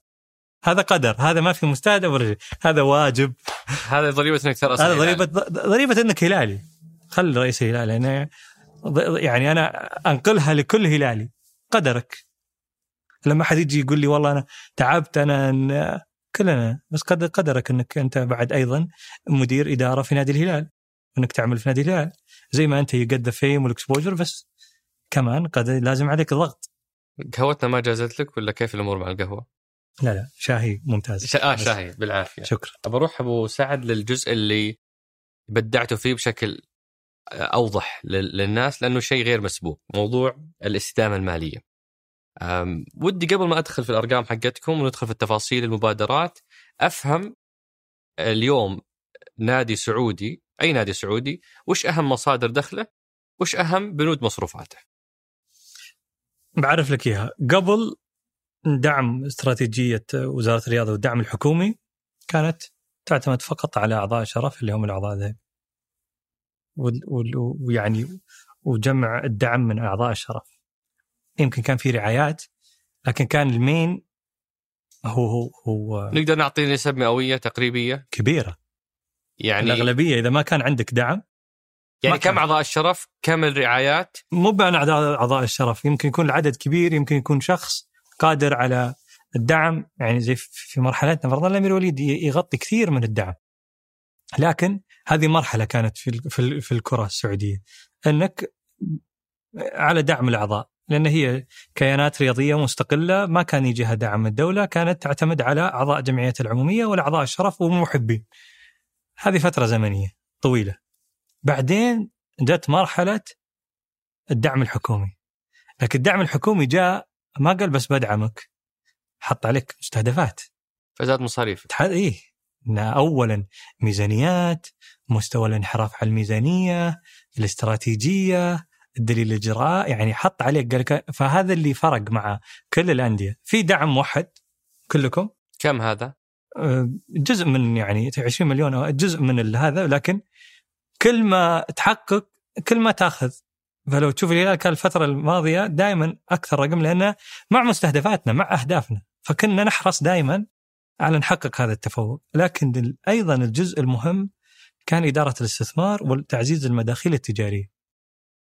جت فترة زمنية ويمكن الأستاذ الدكتور عبد العزيز سويلم حكى لك على الملكية الفكريه كنا نعاني كانديه كان تطلع من باب النادي تلقى كل التقليد قدامك. قدام يعني الباب. إيه. وما تدري. كان يقول أنتم اللي مهملين ما سجلتوا الإعلام. طبعا. هذه يعني الآن لا. في مداخيل تجارية الحمد لله كل سنة من من من من 2019 كل سنة نسبة نمو 30% يعني أو أكثر من 30% فالحين السنة الثالثة خلصنا ب ضعفنا الرقم اللي هو تقريبا يعني وصلنا 100% من مداخيلنا التجارية أول سنة. اللي هو كم؟ آه وصلنا ل 220 مليون. 220 مليون ريال هذه مبيعات. هذه مداخيل تجارية. مداخيل تجارية. هذا أي شيء عليه. شعار أي شيء عليه شعار الهلال. أي شق تجاري. لا من رعايات آه أوكي. من من بس المبيعات ال- ال- المنتجات. المنتجات عمر تخيل المنتجات كانت كل الأندية السعودية تصرف وما زالت تصرف. يمكن الهلال يمكن النادي الوحيد اللي تصرف عشان تأخذ منتجات. فأنا كان في resistance فرضا من اللاعبين. لما جينا قلنا والله بنروح مع هالعلامة. هم متعودين على نايك واديداس بس قلت لهم آسف أنا أصرف 7 مليون عشان أجيب لك ملابس أديداس. الآن في أحد بيدفع لي 30 مليون عشان يوفر لي إياها. يعني بيوفر لي كل ما أحتاجه بيعطيني 20 أو 30 مليون. صح انه كان في ملاحظات على الجودة. على الجودة لكن في تضحيات أيضا إحنا لازم نساهم فيها. ف يعني تطورت آه، يعني علاقتنا أو أو جودة هالتيشيرتات إلى الان مع الإطلاق الجديد في رضا الحمد لله. ونسعى أيضا أننا نحقق آه، أهداف كثيرة. مع مين الآن؟ آه موج. مع موج. إي. شركة موج. آه اللي هي brand هلالي. ف يعني هو اللي هو اللي يصنع ويوفر نعم. ال- ال- المنتجات. اللي أغلبها ملابس. أغلبها ملابس. حنبدا حيدخل في المجالات الأخرى بعد ما الحين أطلقنا ال application. اللي هو أنا أشوفه بيصير إن شاء الله عضو الشرف المهم أن مداخيلك عن طريق آه، بيع منتجاتك وبيع منتجات أخرى رياضية على طريق application اللي هو Blue Store آسف قاعد أسوق له عن طريق بالعكس أنا حط على فكرة حاطه يعني لحاله بند بس. عن ارقام أجل نحكي عنه. بس خلينا إيه بس خلينا أرجع أبص يعني أفكك موضوع إيراداتكم ومصروفاتكم إيه. إحنا شفنا الإيرادات. فكان إيراداتنا دعم حكومي آه، واستراتيجية وزارة الرياضة دعم الامير وليد وايرادات تجارية أو وأيضا دعم الاعضاء الذهبيين. آه، كلها حققنا فيها الحمد لله تفوق. آه، الدعم ال- الحكومي دائما كنا نحقق أحسن الأرقام انعكس إلى الاتحاد أعلى منكم؟ لا. في موضوع دعم الوزارة الاتحاد 163 مليون الهلال 145 مليون. فأنتم الثاني. هل يعني هذا على على المستوى على مستوى السنوات إحنا الحمد لله. okay. كأرقام هذه آخر إيه، سنة. اي الدعم الشرفي الهلال الأعلى 263 مليون. الرعايات الهلال الأعلى 208 مليون. yes. بس أتوقع الاتحاد تفوق في موضوع الحضور الجماهيري صح؟ اي واللي هي أيضا جزء من نقاط وزارة ال- الرياضة. جزء من النقاط تجيب اللي جماهير أكثر تاخذ دعم أكثر. طبعا تاخذ على كل مباراة بس جزء أيضا من الأشياء اللي بتصير إنه لازم يصير عندنا إن شاء الله جاية ملاعب. أوه ملعب الهلال حنسولف فيه هذا. طبعا. بس انه بس هذه تنعكس إيه. على على الحضور الجماهيري. الإكسبيرينس الممارسة. حنجيها يعني- بس الحين شفنا الإيرادات. طيب مصروفاتك. قسم لي بنود المصروفات. كنسب مئويه وش أهم بنودك؟ رواتب طبعا. طبعا. بس نتكلم عن رواتب اللعيبة. رواتب وعقود إيه. رواتب اللعيبة وال- وال- والمنسوبين الفريق في الأول أكون أكثر صراحة الفريق الأول. الفريق الأول. كم يمثل هذا؟ نسبة كبيرة. كم رواتبكم الشهرية؟ كم شهريا تدفع؟ آه دخلنا ديتيلز يعني حول 16 مليون. 16 مليون؟ هذه رواتب شهرية. بالريق أبو سعد بالريق. فمستهد يعني 16 مليون. فلازم ومنها غير العقود. منها 3 مليون؟ هذه هذه. رواتب. صح؟ غير غير مقدمات العقود غير لاعبين غير مكافآت غير غير غير غير سكن وتنقل و في بنود كثيرة في الميزانية. ومصروفاتنا قاعدة تزيد. لأنك أنت أصبح مستهدفك ما عاد بتح... يعني تحقيق بطولات محلية بس أيضا مستهدفك تحقيق النقلة النوعية إنك تكون نادي عالمي. ف مصروفاتك قاعدة تزيد لازم في. يعني تخترع إيرادات أخرى وتحرص عليها وتنمي. فلما أعطيك مثال إدارة الاستثمار لما جينا كانت إدارة. شفنا هال البطل سلطان ال الشيخ أبو خالد والحماس. قلنا له تفضل هذه شركة الهلال الاستثمارية. انطلق ولك كل الدعم. أسس his team أصبحنا أول كنا نعمل رعاياتنا عن طريق third party تخيل ما كنا نقوم بالدور الحين. لا رعاتنا لهم تقارير شهرية يشوفون مستهدفاتهم يشوفون العائدات على ال exposure والانتشار ونعكسها إلى لغة أرقام. يعني انت كم لو صرفت معي مليون كهلال كم عائداتك؟ أعلنا أرقام اعمار قبل فترة بسيطة بعد ما شكرناهم على العلاقة وال- والفترة الزمنية. الحين علينا. صرنا نبغى اللي يجي يرعى الصدر بمبلغ أعلى. فكل مالنا قاعدين نرفع لكن قاعدين نلبي رغبات. قاعدين نوفر لهم اكسبوجر انتشار آه، تحقيق مستهدفاتهم اللي هم يطلبونها في العلاقة. فصار في مدير علاقة لكل راعي أكثر من 20 راعي عندنا عندنا مدراء علاقة تقارير. فركزنا على الاشياء بعد ما خلصنا مرحلة الرعاة قلنا إيش الأشياء اللي بعد سنوات تصير مصدر دخل رئيسي للهلال؟ وإحنا مو موجودات فالابلكيشن تأسيس شركات والحين يمكن ندخل في طريقة جديدة أيضا. آه بدينا يعني يمكن لو تشوف يعني كلام رئيس هيئة سوق المال وعن الشركات المدرجة اللي جاية في ال pipeline كم العدد؟ قاعدين يحكوا عن 80 90 شركة. 90 شركة. طيب لو جيت أنا الهلال وقلت له تعال أنت بتعمل campaign تعمل حملة بتضخ مبالغ كبيرة عشان exposure أنا عندي كل المنصات عندي outdoor عندي في الملعب عندي social media عندي كل شيء عندي كل ال- اللي بتضخه أنت.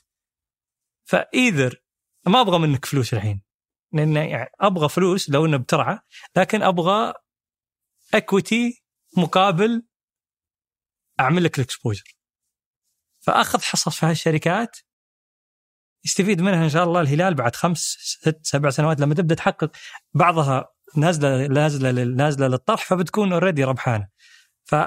هذا الحين قاعدين نحاول مستهدف نعلنه إننا نبغى نركز على كل اللي بينطرحون إنه لازم يعمل دعاية، لازم يعمل exposure، لازم يعرف عن ال... عن من. خلالكم والمقابل هو أسهم في الشركة. yes أم، بنشوف موضوع ال equity لأنه في مرحلة طرح صعب يغير. صحيح. فهذا اللي نبغى نشوف. يمكن نجي في مرحلة مين اللي بيطرح نشوف مين اللي بينزل بعد سنتين ثلاثة. فندخل معاه من فترة. آه. موضوع الرعايات مرة موضوع مثير ومهم حندخل فيه. بس آخر حاجة في موضوع المصروفات عشان بس نفهمها أنتم مصروفاتكم 640 مليون. صحيح.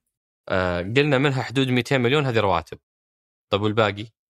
400 مليون هذه وش؟ عقود أنت عقود. اللاعبين. اي أنت بس مو بتشوف. كيف تصير عقود اللاعبين؟ أحيانا أعجز إني أفهمها. مثلا وقعت اليوم مع اللاعب عمر. وش ال... وش يعني وش في- الراتب وش في المقدم؟ راتب وفي مقدم.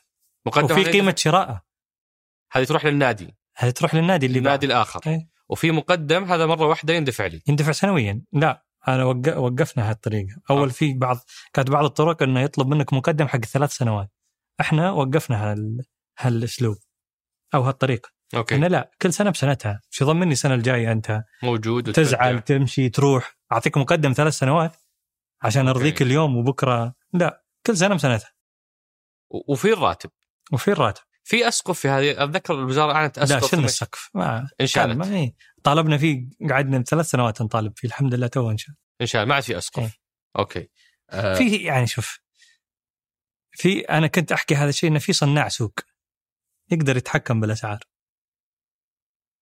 تقدر أنت تتحكم بالأسعار لما تكون على وفاق مع الأطراف الأخرى في عدم المزايدات بس للأسف في ناس تزايد بأرقام ما غير منطقية.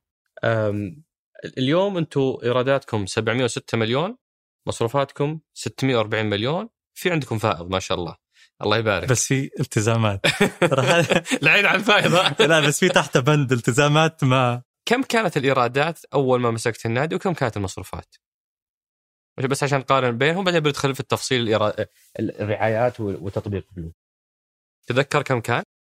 لا كان كان في رقم مصروفات عالي بحكم كان أيضا جاء دعم قبل الاستراتيجية قاعد جاء جاء دعم حكومي بأرقام كبيرة يعني غيرت من الدوري وك يعني فكان في إيرادات وفي مصروفات بس كانت طريقة مختلفة. آه الآن يعني بعدها صار دروب لما تغير صارت الأرقام مرة تفرق. فالعجز هذا يعني رجعنا قننا وراجعنا كل بنودنا واحدة صح من أهم الإدارات اللي أسست في الهلال إدارة المشتريات مشتريات. وش تشترون أنتم؟ كثير كل شيء كثير فهذه مرة أنتم واحدة فكانت طريقة الصرف- كفاءة الإنفاق صح؟ إيه فكان كان عندنا طريقة صرف يعني مو بمراق يعني مو بمحوكمة ما هي فأنا فرقت معي يعني في خفض الميزانية ومراجعة ال- عندك مثال أو أو بند أو إيه قصة؟ كثير. الطيارات. طيارات استئجار الطيارات استئجار المساكن السيارات السفر. امسك واحدة منهم اشرح لنا وش اللي تغير وش سويت؟ الأوتيلات مثلا. كنا خلاص تعودنا على اوتيل لا الحين صار الله لا يهينكم ثلاثة قدموا عروضكم. فصارت تتنافس من يستقطب الهلال. فرقت معي في الميزانية جدا كثير. كمباوندات السكن الأجار. أنا أسكن كثير أجانب. فتعال ما it's not guaranteed ليش أنت ضامن ان أنا كل سنة بجدد معك؟ كل سنة أطلب منه خصم. وكانت إهمال ولا فساد؟ لا ما لا لا لا إهمال ولا فساد. كانت يعني ما كان يعني يمكن فترة لأنه جاء من فترة ما في ضخ كبير أو الأندية مصروفاتها معروفة ومتعودة على شيء. بعدين جاء دعم حكومي. طلعنا مرة فوق بعدين لازم أنت يعني ال- الهبوط هذا لازم أنت تحافظ إنك تقنن بس ما تقدر تنزل المستوى. يعني تخيل تيجي تقول والله الهلال متعود فرضا لاعبين على هذا الشيء ما تقدر تقول والله لا ما عاد فيه. فلازم تقنن تبحث كنا والله. يعني جلسنا أنا وأبو هشام واعضاء الاداره والاداره المالية والله ندور أول فترة على أساس خاص بيست. هذه ال- ال- ال- ال- الميزانية حقتنا وتخطيطنا اللي نمشي عليه ونراجعه كل شهر. بس كنا يعني عملنا على كفاءة الإنفاق إنه تعال تشكيل لجنة نبحث في كل شيء ولما أسسنا إدارة المشتريات طبعا وفرت آه، علينا أم، واحدة من الأشياء اللي بدعتوا فيها موضوع الرعايات. خلينا نفهم وش اللي تغير في موضوع الرعايات واليوم كم دخل الهلال من الرعايات؟ اللي تغير اولا علاقتنا مع الرعاة أول ما كانت بطريقة مباشرة كانت عن طريق وسيط وسيط فما كان في هذاك التواصل وإثبات الأرقام اللي يستفيد منها. ال- المعلن أو الراعي أو الشريك عندنا levels ف أول ما جينا ووقعنا مع مجموعة أعطيناه جهد كبير لأن قلنا هذه إذا ما نجحنا بعلاقتنا وطلع أحد قال والله ما استفدت تقول خلاص هذا أثر على السوق السوق بيسمع كل النماذج لما حققنا مع الشركات نجاحات وأرقام هم استغربوا منها. في ناس ما كانوا يبغون فرضا في في رعايات فرضا exposure return عائد على انتشارها ليس على تحقيق مبيعات. وفي رعايات ففصلنا عرفنا كل واحد وش تعال أنت وش تبي مني في, في هدف هدفك في رعايتي وش كانت؟ exposure ولا تحقيق مبيعات ولا ولا نجلس ورشة ينعمل مستهدفات نتابعها بشكل ربعي أصبحت بشكل شهري تقرير. فهذه انعكست. هي اللي خلت كل الرعاة يجونا لما شافوا الأثر. تحقيق البطولات الجماهيرية. جمهور يعني عندنا جمهور قوي جدا وقوة شرائية جدا قوية بس ما كان مستغل ولا كان آه موضح له أو أو موجه. الحين لما تقول له عندك app store ال Blu تشتري منه منتجاتك تشتري منه التذاكر خلاص يعني يعني تقود ال- ال- كم راعي اليوم عند الهلال؟ المجموع شراكاتنا ورعايتنا 22 الموجودين الآن حاليا الفعالين 15 راعي وش اللي كيف. تقسموا موضوع التيشيرت في شريك تج... في شريك استراتيجي شركة القدية بعدين تجي الرعاة الرسميين أو آه، بعدها يجي الشريك اللي ما يطلع على التيشيرت آه، يعني application يعني كل واحد له شيء. في يطلع على التيشيرت في فرضا يطلع على LED يعتبر ناقل رسمي آه، آه، آه، Berain مثلا الموية كل شيء تطبيق القهوة، المطار إيه. القهوة كل شيء نركب لها حزم آه، رعاية فيها آه، مميزات و و و مقابل مبالغ آه، تعطى للنادي. رقم واحد اليوم عندكم القدية. نعم. هذا يدفع 100 مليون سنويا. نعم. لكنه في نفس الوقت ما حط شعاره على على قميص هو شريك استراتيجي لأن ملعبنا القدية.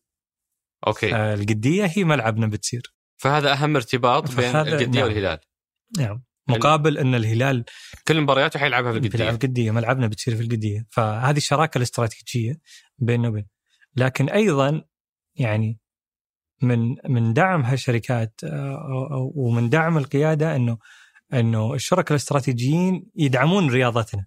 فلما القدية بيصير عندنا ملعب حننتقل إلى مستوى أفضل الآن نبحث أيضا على شراكات أكثر ويعني. يعني. أتخيل الرقم الثاني بعدها هو المعلن في آه، القميص الأمامي صح؟ إي وهذا مو موجود يعني أعمار طلعت رغم إنكم تقولون تجربة كويسة وكذا بس ليش أعمار ما, ما... ما استمرت؟ آه، الحين الحين يعني هي ما طلعت هي كان فترة زمنية معينه وحققنا فيها نجاحات آه الآن آه السعر أصبح أعلى أيضا اللي إحنا مستهدفينه كم السعر؟ أنا مستهدفينه 100 مليون ثاني 100 مليون القميص الأمامي مم. مين تتوقع يدفع الرقم؟ إن شاء الله شغالين وش بتكون قطاع؟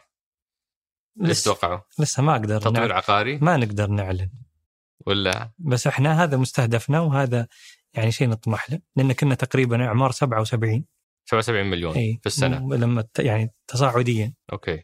فإحنا مستهدفين هذه الأرقام. مين ثاني أعلى آه، معلن اليوم في الهلال بعد القدية؟ المملكة. المملكة. إيه. كم يدفعون سنويا؟ 50 50 مليون. واللي هم مدارس المملكة مستشفى المملكة. شركة المملكة القابضة. المملكة القابضة. وهذول وين يكون شعارهم؟ ال- ال exposure بس أقصد في القميص النادي وين وين وين موقعهم؟ في القميص الرئيسي لا. ما هو موجودين. مو موجود في قميص التدريب. قميص التدريب. وفي ال- والعيادة ومميزات أخرى كثيرة جاية في المستقبل. يمكن من الأشياء اللي آه، يعني سولفت مع كذا معلن أو كذا راعي سألتهم قالوا الأثر اللي قاعد يجينا من الهلال يفوق الخيال. حرفيا يفوق الوصف. إيه. تجربتنا مع فهد بن نافل وهم ما يجاملون ولا احتاج ان إنقل كلام مجاملة. آه، من أرقى وأنبل الأشخاص. بس أول ما تعدي فهد تبدأ المعاناة. في صعوبة في التواصل في صعوبة في آه، آه، إنك أنت تهندس الديل اللي تبغاه مع مع آه، مع الشركة الاستثمارية. هل جتك شكاوى من هالنوع أو شيء زي كذا؟ ما مو بشكاوى قد في ملاحظات بس ثق تماما إن الكل يعمل ويسعى. بس ترى إحنا مو مو بسهل يعني مو إحنا فقط أصحاب قرار. إحنا أيضا فرضا في الرعايات نرجع لوزارة الرياضة في كل رعاية؟ إي لازم موافقة ليش؟ ما في في في black list أشياء لا يمكن الإعلان عنها؟ أنا صراحة ما أشوفها مفيدة لانها تعيق العمل. okay. لكن هم ينظرون من ناحية قانونية ومراجعة العقود و و و بس المالك بجهه بجهة إشرافية. okay. لكنها تعيق وتأثر على بعض رعاتنا وجتني بعض الملاحظات بس إنه أنا عارف إيش الصعوبات. وبعض الأحيان يكون عندنا إحنا مستهدفات أيضا. ال brand وعلامتنا ما نبغى أنت قاعد تطلب مبالغ خيالية من عدد قليل من الرعاة ما نبغى ان, إن, إن, إن, إن, إن نستخدم الشعار بزيادة فيقل القيمة فما عاد أقدر أقنع عمر الجريسي يرعاني ب 100 مليون. يعني بيقول أنت والله منتشر مع كل أحد فهذه الصعوبة لكن إن شاء الله أننا كل شريك وكل راعي أننا نسعى جاهدين لإرضائهم وتحقيق أهدافهم. أه، Blu يعني من الأشياء الخطوات المهمة اللي صارت، أنا سمعت إنه في الأسبوع الأول في مليون download، صدق؟ إيه مليون download إيه؟ للتطبيق في أول أسبوع. إيه؟ وهذا مفترض إنه يبيع؟ طبعا هذا رقم مرة كبير واصبح ترند حتى على Apple وعلى Android عالميا. أه، وهذا ينعكس على القيمة الجماهيرية واللي يرغب الرعاة والشركات أنهم يرعون الهلال. لأن زي ما قلت فوق الخيال كأرقام. آه اللي بيبيع منتجات الهلال. بيبيع منتجات رياضية أخرى من شركات. لو تشوف store في كثير شركات ومنتجات رياضية وملابس ومأكولات أشياء رياضية. كلها عليها brand الهلال؟ لا. okay. في الحين تدخل تلقى مثلا في store غير store الهلال رسمي في store Adidas Nike كثير من الشركات. فمتجر هو. فمتجر رياضي. وأنتم شو مستفيدين إذا باع؟ شركاء. كم تاخذون؟ بالنص بالنص إحنا وجاهز. انت جاهز؟ 50 50 uh, 49 51 عشان أكون أدق. okay.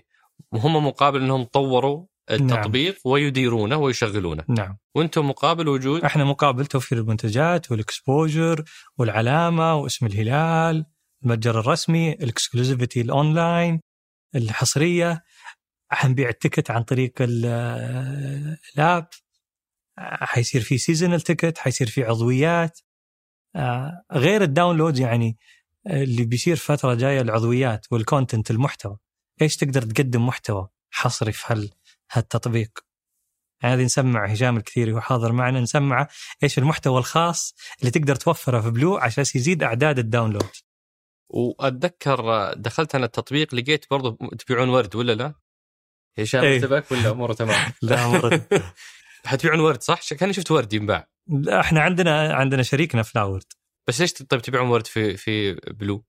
ما أدري والله في كثير من المنتجات يعني هل هذه تصير في تعارض التنسيق مع الشركاء؟ اي ب... لا إن شاء الله ما يصير في أي تعارض بالعكس همنا إحنا رعاتنا ونحن بالعكس إحنا نسوق ل... ل... لرعاتنا بس في هذا متجر يحتوي على كل شيء آه، من يوم ما بدأ كم المبيعات إلى الآن؟ I don't have the exact بس أرقام مرضية جدا كمنتجاتنا إحنا إيه؟ اللي بعناه عن طريق بلو حققنا أرقام مرة كويسة مرة سعيدين ولسه هذا لسه البداية ما بعد جت الاكسسوارات ما بعد جت أوراق اللعب وال mugs وكل الأشياء اللي اللي هي فيها أرباح كبيرة للنادي وال offline مبيعات ال offline هذه عند مين؟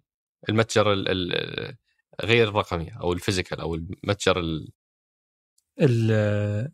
ال physical شركة استيم استيم هم اللي مسؤولين عنه؟ نعم. وما زال نفس ما هو المتجر الموجود حاليا. نعم أكثر من متجر. أوكي. أم يعني يمكن من الشغلات الملفتة أه، أبو سعد موضوع الشركات. أنتم بديتوا تشرخون شركات ما شاء الله. بعض الناس يشوفونها بشكل إيجابي إنه هذا حراك استثماري. أه، أبو سعد قاعد يستخدم شهادة الجامعة في ريادة الأعمال قاعد يطبقها الآن على أرض الواقع.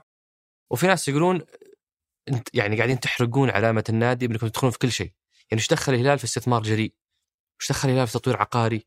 وديلز ما هي بالديلز اللي أو أو صفقات قد ينظر البعض إنها ما هي آه، آه، بشكل مستدام. يعني أنت تتكلم على بتأسس 100 شركة جريئة. آه، بتسوي عماير وتاخذ إيرادات ودخل. يعني كأنها شوي ما ما في مشهد أو ما في صورة مرتبة لخططكم الاستثمارية. وش؟ تبي توصلوا له؟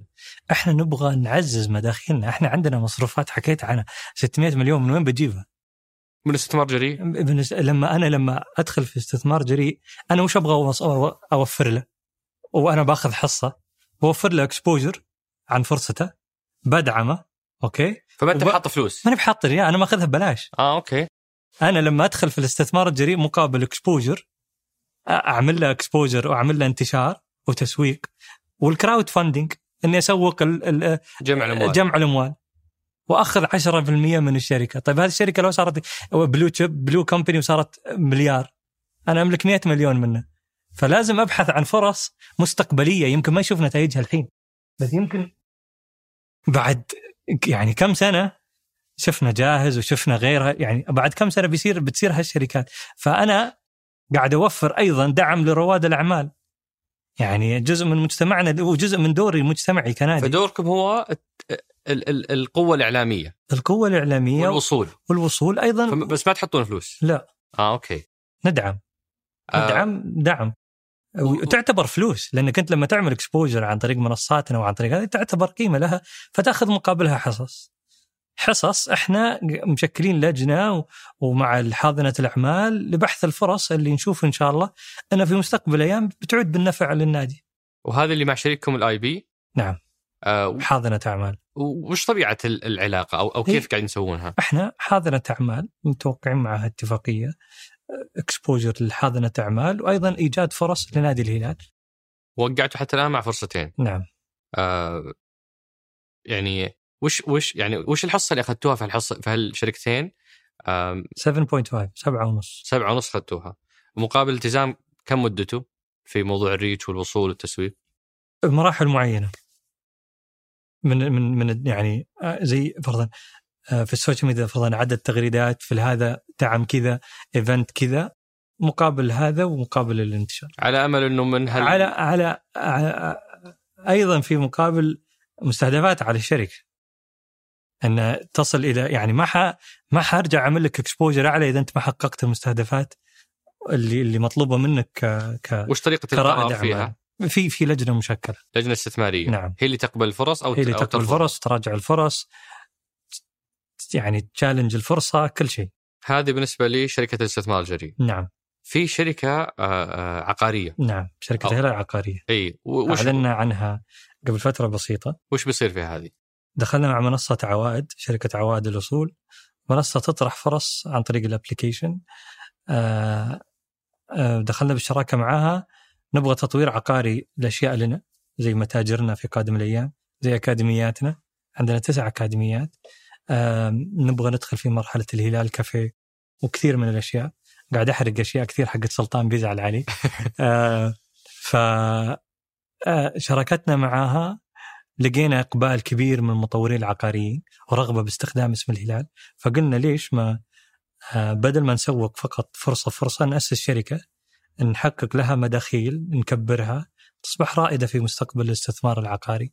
طرحنا الآن بموافقة هيئه المال صندوق مدير للدخل حجمه 50 مليون تقدر تستثمر فيه حقق عوائد. طبعا في كثير من ال- اللي اللي سوقت عليهم الفرص خذيت جزء من أرباحهم للهلال إن شاء الله. آه. اي فأنت قلت له استثمر والربح لنا. إيه يعني دخلتها بمبلغ أكثر بس قلت له فرضا نص ربحك تعطينا إياه. يعني كداعمين. بس هذا فرضا طريقة كمان زينة وإن شاء الله نلقى لها طريقة قانونية إنه خلاص يعني هي الحين لازم هو يعطيني. نبغى نشوف كيف طريقة نعمل الصندوق إنه you could choose فرضا هو 7 7% عائد you could choose فرضا تختار نصها فرضا تروح للهلال. فأنت حافظت على رأس مالك. في المقابل من الأرباح دعمت النادي بدل ما في ناس قاعدة تدفع وتروح. أنا. حسبتها آه، هو 50 مليون equity لكن فيها 30 مليون تسهيلات في حدود 80 مليون. لو جاب 7% أنت تتكلم على 6 مليون 6.5 مليون كم منها بيروح للهلال وكم منها بيروح للمستثمرين؟ إحنا في الصندوق فرضا مسوقين أو مستشار إعلامي فحصة حصة هلال العوائد اللي تدخل من آه، رسوم الصندوق فبس يمكن يعني زي ما قلت لك اعطيتك مثال في ناس محبين حيصير يدخل الهلال منها في قادم الأيام الهلال قد يخصص مبلغ عن طريق شركة الاستثماريه للاستثمار في هذا الفرص. وكيف هذه الأشياء ما تصير معقدة لدرجة إنها تبدأ تشتتكم أو تشغلكم؟ لا لا لها شركة هلال استثماريه. شركة هي المسؤولة عنها. شركة استثماريه شاركت في شركة العقارية بيصير لها مجلس إدارة من من يعني خبراء وجهاز تنفيذي وإدارة مستقلة. وش الهدف آه، اللي تبغون توصلون له في الإيرادات آه، الاستثماريه للهلال؟ أنا كاني فهمت إنك تبغى توصل مليار. لا آه، كبر الطموح. واو ما شاء الله. لأن لأن لأن ما تقدر تحط رقم أنت عندك جماهيرية كبيرة وعندك يعني انتشار عالمي لازم تحاول قد ما تقدر تحقق إيرادات للنادي مستدامة تجارية هذا ال- هذا ال- كم تبي توصل؟ وش الهدف؟ يعني إن شاء الله نستمر يعني ترى نسبة نمو 30% سنوي يعتبر ممتاز. ممتاز إن شاء الله نستمر إلى وصول إلى رقم يعني كم الرقم إذا وصلت له تقول اليوم الهلال يقدر يعني آه، ينمو بشكل الحين ال- طبعا ال expense شفت 600 وشيء. إي. فنبغى نوصل لاننا يصير عندنا إن شاء الله الهلال قادر على إنه يوصل إلى ال break even. يعني نقطة ال... ما في تصير أكثرها تجارية. أم، كنت أسولف مع مع أحد ال- المخ... يعني المهتمين بالرياضة وبالذات الرياضة ال- ال- الدولية أو الاجنبيه كان يقول ما حد قاعد يسوي المود اللي يسويه الهلال. فأما ان الهلال مرة مبدع أو ان الهلال قاعد يخترع شيء ما هو موجود. يعني عادة في الأندية كلها أنت عندك دخل رقم واحد مثلا نقل التلفزيوني إيه مبيعات بس أنا ما عندي. ما عندك نقل تلفزيوني. ما عندي المداخيل زيهم هناك. الكبيرة من مبيعات. ماتش دي ملعبك الخاص هذه ما بعد وصلت لها. فلازم ألقى حلول أحل مشكلتي الآن. بكرة لما يصير عندي أنا النقل التلفزيوني ارقامه خيا يعني عظيمة والماتش دي وملعبك وهذا ورعاياتك كثيرة بحيث إنك ما تحتاج تأسس بس إن بس تتفق معهم بأنه هذه شيء مؤقت إلى أن. يكون عندك مصادر ال- ال- الدخل لا الطبيعيه مو مؤقتة. مو مؤقت. لما تنمو شركة عقارية مع وجود شركاء في القطاع ويكبرونها وهذا بالعكس. في أحد في العالم يسوي فكرة الطريقة رائدة. هذه؟ أنا أشوف فكرة رائدة يمكن. يمكن هم بكرة يقلدون هم يقلدونكم. إيه، بالعكس. أو الحين شفنا كثير أشياء. هم أصبحت الدول الخارجية اللي فإحنا بالعكس مو باختراع قد ما يكون هو فكرة ريادية عن بكرة تلحقها الأندية. وما دام جبنا طاري الملعب اللي كنت في ملعبنا أيوه أيوه كثير أيوه ملعبنا في القدية. إحنا وقعنا شراكه خلاص. استراتيجية ملعبنا فكرة القدية. ملعب الهلال انتهت. هو ملعب الهلال في القدية. بس القدية. أقصد لا أنتم أول تدورون أرض شمال الرياض تاخذونها إي لحالكم طبعا بس الحمد فيها عقارات. بس الحمد لله يعني مشينا في مشينا في هالشيء ومشينا في هالخطة. كان بيصير عليها فرضا التزامات وبيصير فيها يعني قروض وتسهيلات قروض و- الحين يعني شريكنا استراتيجي القديه وب- يعني والدعم ال- ال- وكيف الكبير تضمنون تجربة المستخدم أو تجربة المشجع لما يجي الملعب؟ غريمكم هو هو يستخدم نفس الملعب. يعني في سانسيرو في إي سي ميلان وإنتر ميلان قاعدين يعني صاير فيه هالشيء. فإحنا بس خذينا مقابل كبير. إحنا كنا يعني نبغى نسوي أيضا يعني العائد إنه 100 مليون في السنة رعاية كمان نحتاجه. هذا أغناكم عن ال- ال- العقار والاستثمار اللي ممكن تسوونه في في الملعب الخاص فيكم. صعب أنت كهلال لحالك تسويه أصلا. صحيح. فاليوم فكرة ملعب الهلال انتهت. إن شاء الله آه، إحنا ملعبنا القدية ملعب الهلال في القدية. يبي يلعب الهلال في القدية. ومقر النادي؟ في عليه تحديث؟ إن شاء الله آه، يبان يعني في قادم الأيام.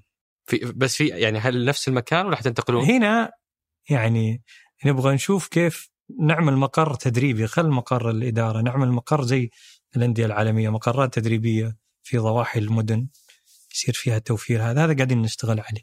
عاد بنشوف يعني هل هو كمرحلة أولى في القدية أو إننا نقدر نعمل مركز تدريبي لائق في الهلال لفترة إلى ما ننتقل للقدية؟ يعني كان في كان فيه مستهدف على موضوع ال 100 شركة. كم وصلنا منها إلى اليوم؟ ريادة الأعمال؟ إي. لا لسه. لسه. إي. إحنا إحنا يعني اعلنا عن ثنتين وفي دراسة مجموعة أخرى. لكن هذا ياخذ وقت. بس يعني ثلاث سنوات أنتم حاطين مستهدف هذا؟ كان يعني إي. في أشياء كثيرة تمتد ما بعد فترة رئاستك. كلها. كلها. ولما أحكي كل حديثي ذا ما يتعلق بفهد بن نافع هذا كله يتعلق بكفاءات على أعلى مستوى في نادي الهلال قادرة على القيام باستمرار. ولا نظرت ابدا يوم انه لما أحكي لك بشيء بنعمل و إن هذا فهد بن نافع هذا اللي يعني عمل ال- الهلال والكفاءات الإدارية. في واحدة يعني ننتقل للمحور الثالث اللي هو زين إنك انتقلت. إي انت أنت خلاص كويس. أنا حسيت إنه لازم لازم ننتقل لا زين إنك انتقلت ما س- حسيت إنه في كنا سؤال بس إنه يعني أكد لك ان الأهم هو عمل هو عمل نادي الهلال و و- والمجموعة الرائعة ومن من من الموظفين والموظفات. لا هذاك مخلي لآخر شيء السؤال أنت. تتوقع انه إنه راح علي. آه، موضوع ال... ال... من من مستهدفاتكم آه، في مؤشر حجم التبرعات التي ساهم النادي بجمعها للقضايا الإنسانية. أنتم حاطين مستهدف أنكم توصلون ل 5 مليون آه، ريال آه، خط الأساس 200 ألف. وش وش الم... وش الهدف أو وش الفكرة من هذا المستهدف؟ أنكم أنتم تساعدون في جمع تبرعات. يعني تبرعات تخدم تخدم مسؤوليتنا الاجتماعيه يعني مؤس... يعني الحين لما أسسنا مؤسسة الريال الخيريه شفت المستهدف 200 ألف تقريبا بس الحين وصلنا إلى 3 مليون. آه، هدفنا نوصل 5 مليون لا 5 مليون.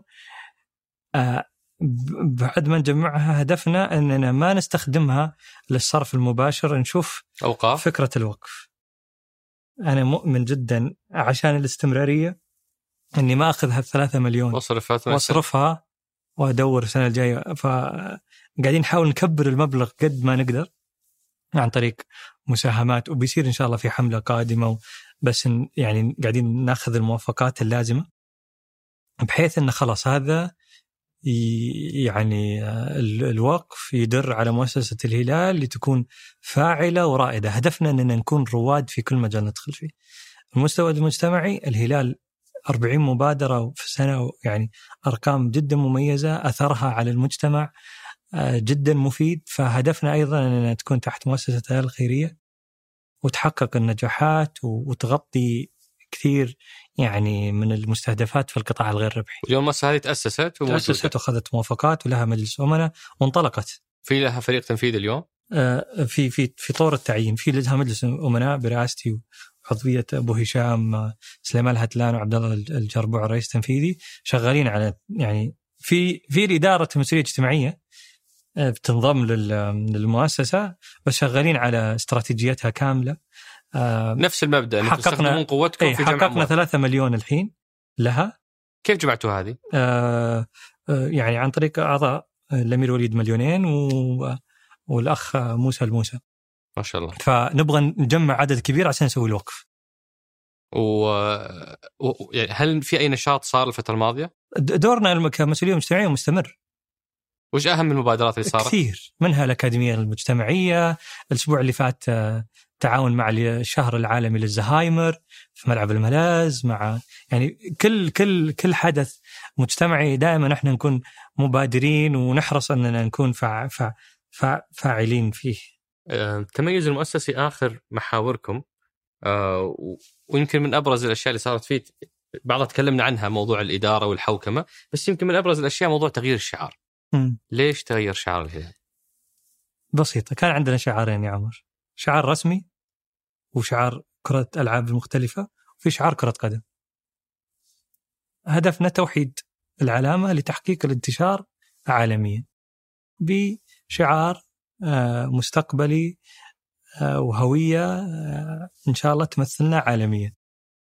هذا فيما يخص الهوية. استراتيجية جمعنا كل أدبيات الهلال. من أيام المؤسس رحمة الله عليه عبد الرحمن بن سعيد مرورا بكل رئيس أدبيات قيم مبادئ الهلال ما اخترعنا شيء. يعني كلها موجودة.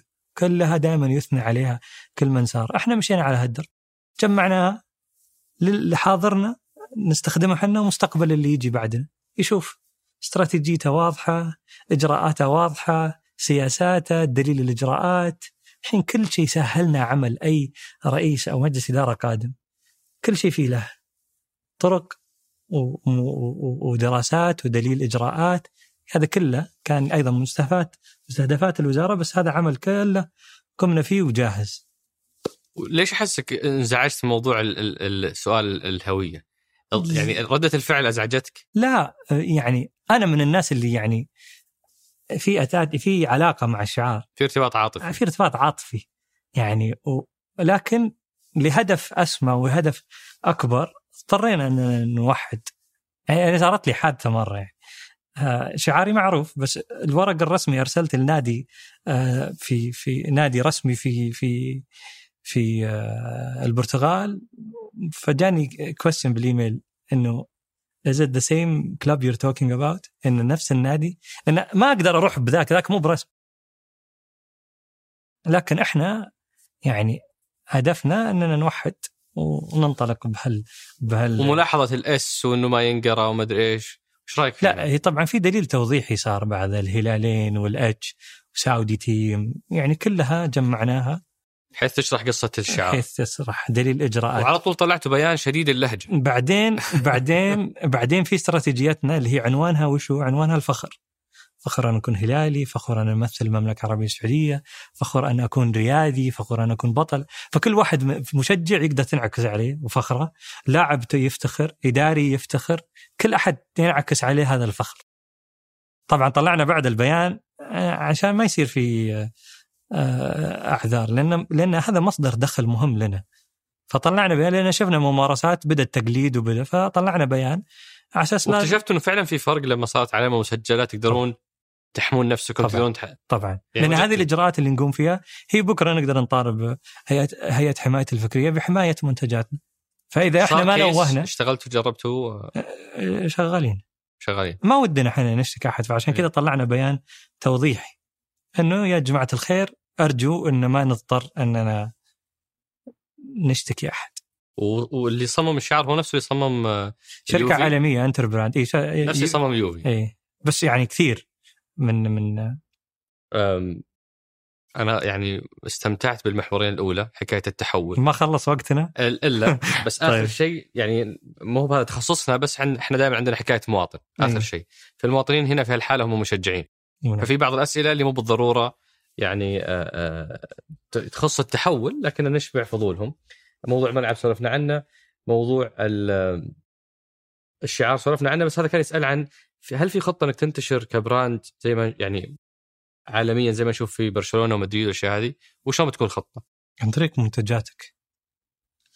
أنت أنت لازم تعمل تعريف بشعارك وهويتك عن طريق مشاركاتك وعن طريق طرق أخرى. بعدها خلاص يصير الشعار ذا ينعرف أن هذا الهلال حتى بدون ما تحط اسم بكرة. فبس تحتاج فترة زمنية. تعرف فترة انتقالية تاخذ وقت تعريف بالهوية. توثيق البطولات. أنت عندك تعريفات حلوة إي. كانت في الموضوع وأنت قابلت الأخ ياسر المشكل ما حد أعطاني جواب. ما صار شيء. ما حد أعطاني جواب. وهذا يضرنا يضرنا بشكل ما تتخيل. وأنا كنت أحكي بصدق لما تطرقت الموضوع إنه ما يصير. ما يصير أنا بحكي مع رعاة وشركات عالمية. ما عندي مرجع. أنا عندي مرجع. رسمي. ومرجعي خايف. سوري على الكلمة ما يبغون يوثقونها إيه. عشان ما عشان ما يزعلون بيزعلون مني الحين. بس, إيه. بس وش أعتبره؟ لما ثلاث سنوات ولا خمس سنوات ما حد. يعني يعني ما قاعد أطالب شيء لي أنا. لا هذا لكرتنا حط حط معيار طبقه على الجميع. كرتنا ويعني ضرورة أصبح. إذا إحنا نبغى نتطور. في هنا يعني الحركة اللي سويتوها مع موضوع الهوية كانت حلوة يبدو لي لبعض المشجعين إنه جاء المكان فيه كل تاريخ الهلال، هل في فكرة متحف في كل البطولات في؟ الأفكار كثيرة. إن شاء الله هذه القريبة ولا إن شاء الله اللي يفتح لا الله؟ لا إن شاء الله الحين الحين سويناه بطريقة إننا مع يعني لما رحنا قطر أخذنا معانا وكان في إقبال جدا كبير. آه يعني المتجر و museum الناس تتصور معه. الحين إن شاء الله في الكويت آه بنروح اعتزال نواف الخالدي عملناه في الافنيوز في مكان مرة كبير حيصير في إقبال وتعريف فبتصير متنقلة إلى ما إن شاء الله نعمل على فكرة الجولات إحنا عندنا مصاريف الكور مم. ومصاريف الألعاب فما أقدر أخصص كثير من إيرادات للمصاريف الأخرى وأنا عندي ما يعني ما أبغى يصير عندي عجز. على فكرة الجولات هذه من مصادر دخل الهلال ولا لا؟ طبعا. فأنت ما تروح مباراة إلا ماخذ حقه مسبقا. جميل. آه ما شاء الله عليكم. تحلبون النملة. ما, ما يعني مو يعني طبعا انت ما حيجي يعني ما يعني أوكي ما يكون في مبالغ بس في تغطية تكاليف وفي بس إيه؟ إحنا هدف أنا هدفنا كمجلس إدارة وكنادي إننا الانتشار. فهدفنا إننا نزور دول الخليج ونعزز الجماهيرية. و و و فتخيل كل هذا ودخل إضافي. شكرا. مكسب إضافي. خاصة إن هالسنة يعني شفت التوقفات هذه بتساعد حقت كأس العالم. صح. آه هذا يسأل على موضوع توقعاتكم لدعم الحكومة. دعم الوزارة السخي جدا هذا. ما يخوفكم إنه فجأة لو وقف حاس الدنيا؟ ولا مأمنينكم هم لفترة معينة بيستمر الدعم ذا؟ لا هي استراتيجية. فيعني كم مدتها؟ مو معلن يعني كم عدد سنوات بس يعني الحمد لله لما يشوفون يعني الأثر. إحنا مفروض الأندية نحقق الأهداف الاستراتيجية لتكون القيادة راضية ونحظى بالاهتمام المستمر. أما إذا كان قدموا الدعم وما شافوا على أرض الواقع ولا شافوا إنجازات هنا يمكن تنقطع. بس متفائلين دام انعكست على الدوري المحلي قام انعكست على تمثيل الهلال مو فقط في كرة القدم. نسيت أذكر طارق حامدي اللي يعني أنا في رأيي خذ الاولمبياد آه، الذهبية. فكلهم يعني ناس تنافس باسم المملكة وترفع رأية المملكة. فإذا شافت الأثر أتوقع أن ال- الوزارة وال- وال- والقيادة تستمر يستمر هذا. الدعم سنة بسنة فأنتم ما تعرفون إلى متى. أظن يعني يتحدث وينعمل مستهدفات آه، أصعب. يعني إحنا الحين الحين انتقلنا إلى مرحلة تسمى الاستقلال. خلاص فئه فئة ألف أنت معاييرك لأنك حققت كل الأهداف قربت تصير مستقل. مستقل. تحظى تحصل على المبلغ لأنك حققت الأهداف ويعني كل ما لهم صعب وتشز إحنا مرة مبسوطين هذا لأن يرفع المستوى الحوكمه مبسوطين لأن إحنا هذا يتطابق مع معانا ومع فكرنا كاداره نادي الهلال. إعلام الهلال هذا يقول أعمال نادي الهلال في الميديا كفيديوهات وأفلام جميلة جدا جدا وفي تطور ملحوظ. هل في خطة لتأسيس شركة إنتاج آه، تخدم الهلال وتدور أمواله داخل أسواره بدل دفع شركات خارجيه؟ شفت أنت كذا صح هذا الأشياء اللي كان أخ ثاني يطلب يقول ركزوا. إيش دخل وركز إيه. اي لا هذا too detailed يمكن يعني ما شاء الله إحنا عندنا مطبخ إعلامي صراحة تعتبر شركة إنتاج لأن صح. آه، ميزانيتهم والطلبات زي شوف ال- ال- المعدات اللي عندك كل سنة أو كل كم شهر نلقى رافع لنا مدير مركز إعلامي طلب معدات طلب معدات يعني ف صرت شركة. شيء صرنا شركة منتجه لكنها إدارة. هنا في الأسئلة اللي أنا متأكد إنك ما تحبها ولا أنا حريص عليها بس أعتقد يعني جمهورنا يستحق. هل فاوض الهلال رونالدو؟ نعم. فاوض تو. و... و... المشكلة في- في الرقم ولا هو رافض مرحلة الشرق الأوسط هذه؟ لا المشكلة إن إحنا كنا نمشي على أنه قرار مركز التحكيم يطلع بعدم المنع. كنا متفائلين يعني. لكن نحترم القرار وما ما كملنا. فهذا اللي ردكم. إيه، كان في فرصة؟ طبعا.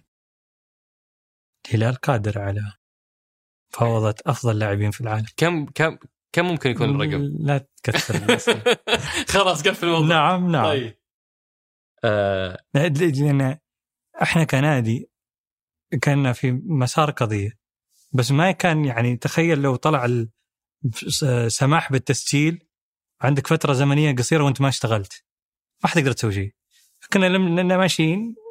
توازن اذا إذا صار السماح آه، انتقلنا إلى مرحلة أخرى من ال من ال من المفا يعني مرحلة أخيرة خليني أقول. أو أننا نحترم القرار. نوقف اي ومركز التحكيم آه، يعني تغير أو حل المجلس بسبب أخطاء كثيرة قبل فترة. إن شاء الله ما ينحل مرة ثانية بسبب الأخطاء الكثيرة. إن شاء الله ما ينحل ولا إن شاء الله ينحل؟ لا نطمح دائما إن تتحسن لأن هذا ينعكس علينا إحنا أيضا. هل كنتوا تعرفون بتوقيع كنو؟ لا طبعا مين اللي كان يكلم كنو في الملعب في ذيك اللحظة؟ هو فجأة جاء جوال وكلم يعني كان يكلم ما ما كان يكلم كنو. مو اللي كان يكلم كنو. فهد فرج كان يكلم فهد بن نافل. okay أم... مين؟ هذه الأسئلة تفاصيل في القضية جداً. خلصت القضية اي خلصت إيه. أم... مع مين تشوف وتحضر مباريات الهلال؟ أعضاء مجلس اداره في أحد محدد تروح معاه دائما الملعب؟ أنا فهد مفرج ولو إني يعني الفترة الأخيرة آه، صارت لي ظروف انشغلت ما قدرت أحضر كم كم مباراة ولا إحنا يعني متعاهدين على السفر آه، والحضور دائما مع بعض مع بعض سؤال أخير أبو سعد بعد كل هالجهد المفروض أنت السنة الجاية آخر سنة لك صح؟ هذا الموسم آخر سنة الموسم هذا اللي. السنة ينتهي. الميلادية نعم. الجاية أه بتجدد تمدد أنا لمحت لك في السؤال ما بعد خذينا الق- ما بعد أخذت القرار. وش اللي يمنعك تجدد إذا لسه الرحلة لسه في أولها والإنجازات أو البذور توها مزروعة؟ لا, لا يعني صدقني إحنا تركيزنا كان على يعني العمل. ما رك ما ما فكرنا بإيش بيصير بعد آه، الأربع سنوات. ولا ودي أسأل أعضاء مجلس إدارة أو افتح ال- يعني الموضوع. آه، لأن عملنا كله دائما يعني كاننا مستمرين لكن والهدف لأن نبغى العمل يستمر للهلال لكن ال ال ال ال القرار يعني لازم أحكي مع اعضاء مجلس اداره وندرسه وجاي انتخابات يمكن يشوف ناس أكفاء إحنا ندعمهم يمكن يكونوا يدعمون مت- متى حتكون انتخابات؟ في الصيف الجاي في الصيف الجاي.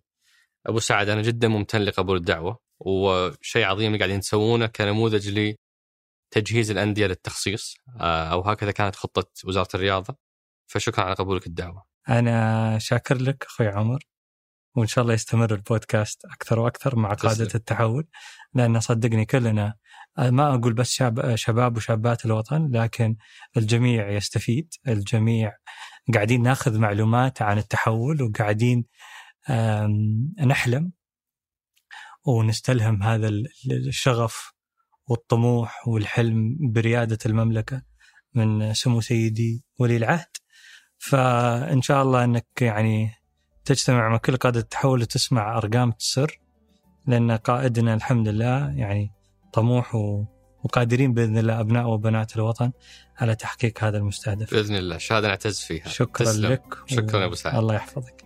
شكرا لكم. شكرا لعبد الملك آل سعيد ونواف المعتاز في إعداد هالحلقة وفي الإنتاج فهد القصير وياسر الغانم وعبد الله العقيد خلف الكاميرات. في التحرير أنس الخليل وفي الهندسة الصوتية محمد الحسن وفي الإشراف على الإنتاج صالح باسلامة. هذا بودكاست سقراط أحد منتجات شركة ثمانية للنشر والتوزيع.